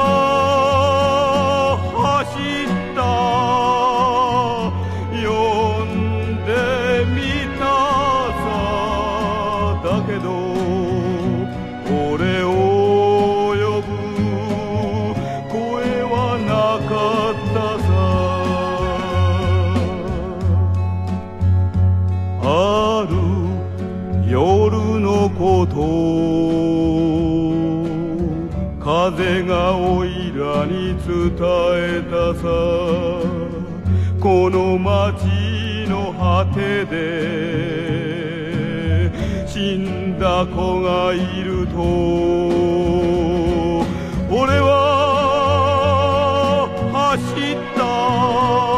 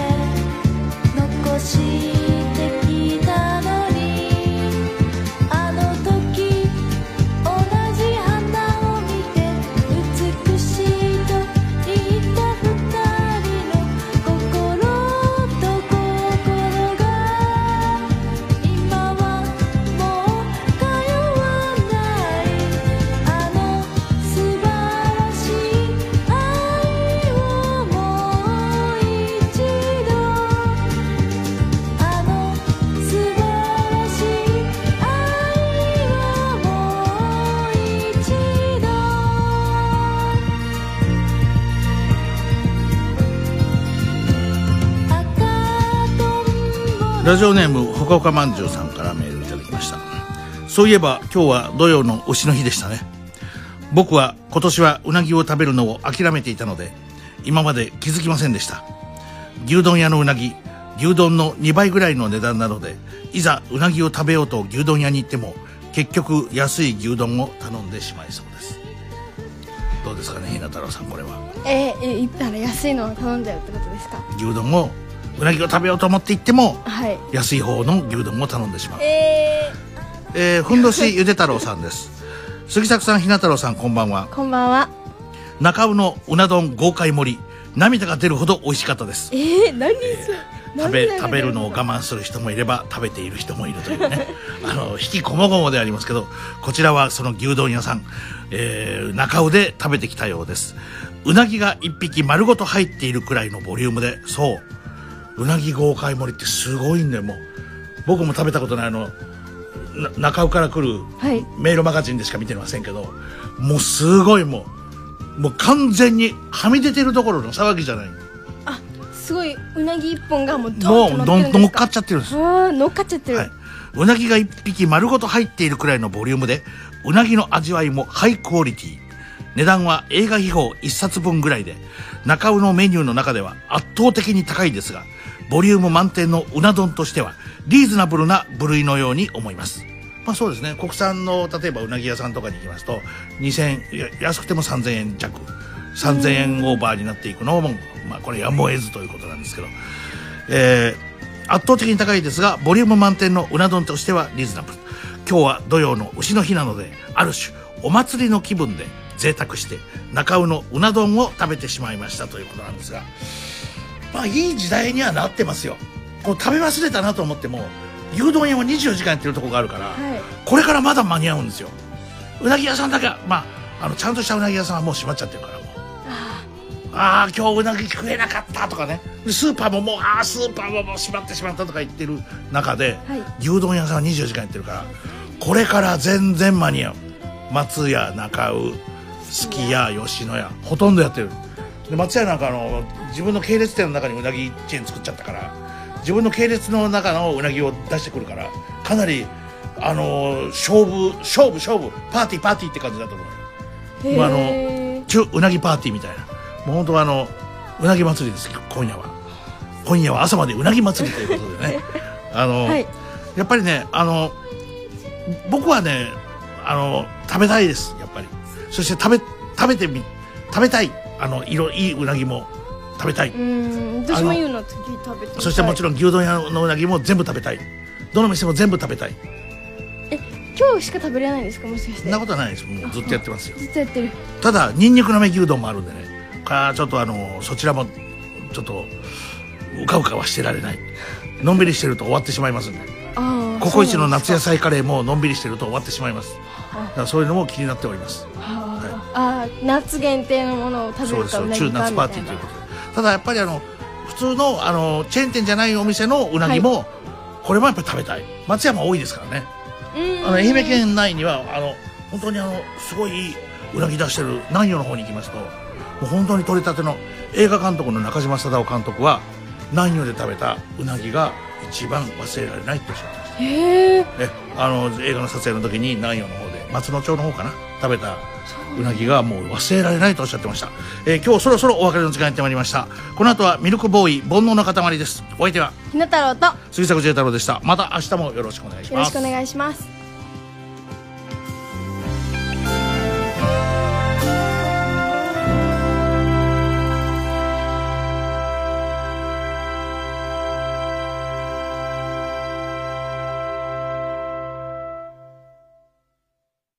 乃木坂46新内舞です。毎週水曜日の乃木坂46のオールナイトニッポンは、私新内が週替わりパーソナリティの乃木坂メンバーと一緒に生放送。誰が出るかは番組のツイッターでチェックしてください。乃木坂46のオールナイトニッポンは、明日水曜深夜1時から。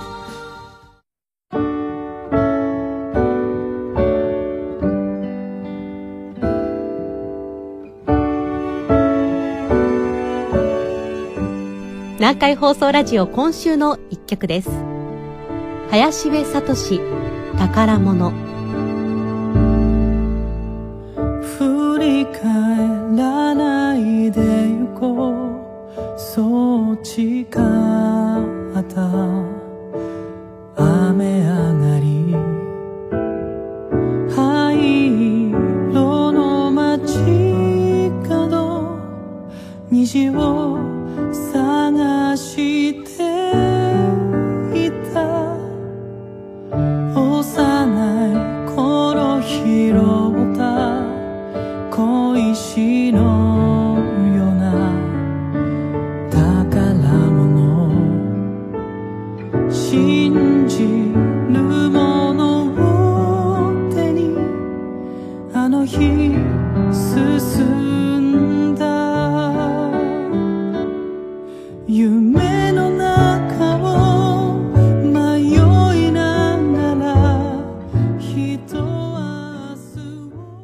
南海放送ラジオ防災キャンペーン新型コロナウイルスの感染を防ぐため、避難にも工夫が必要です。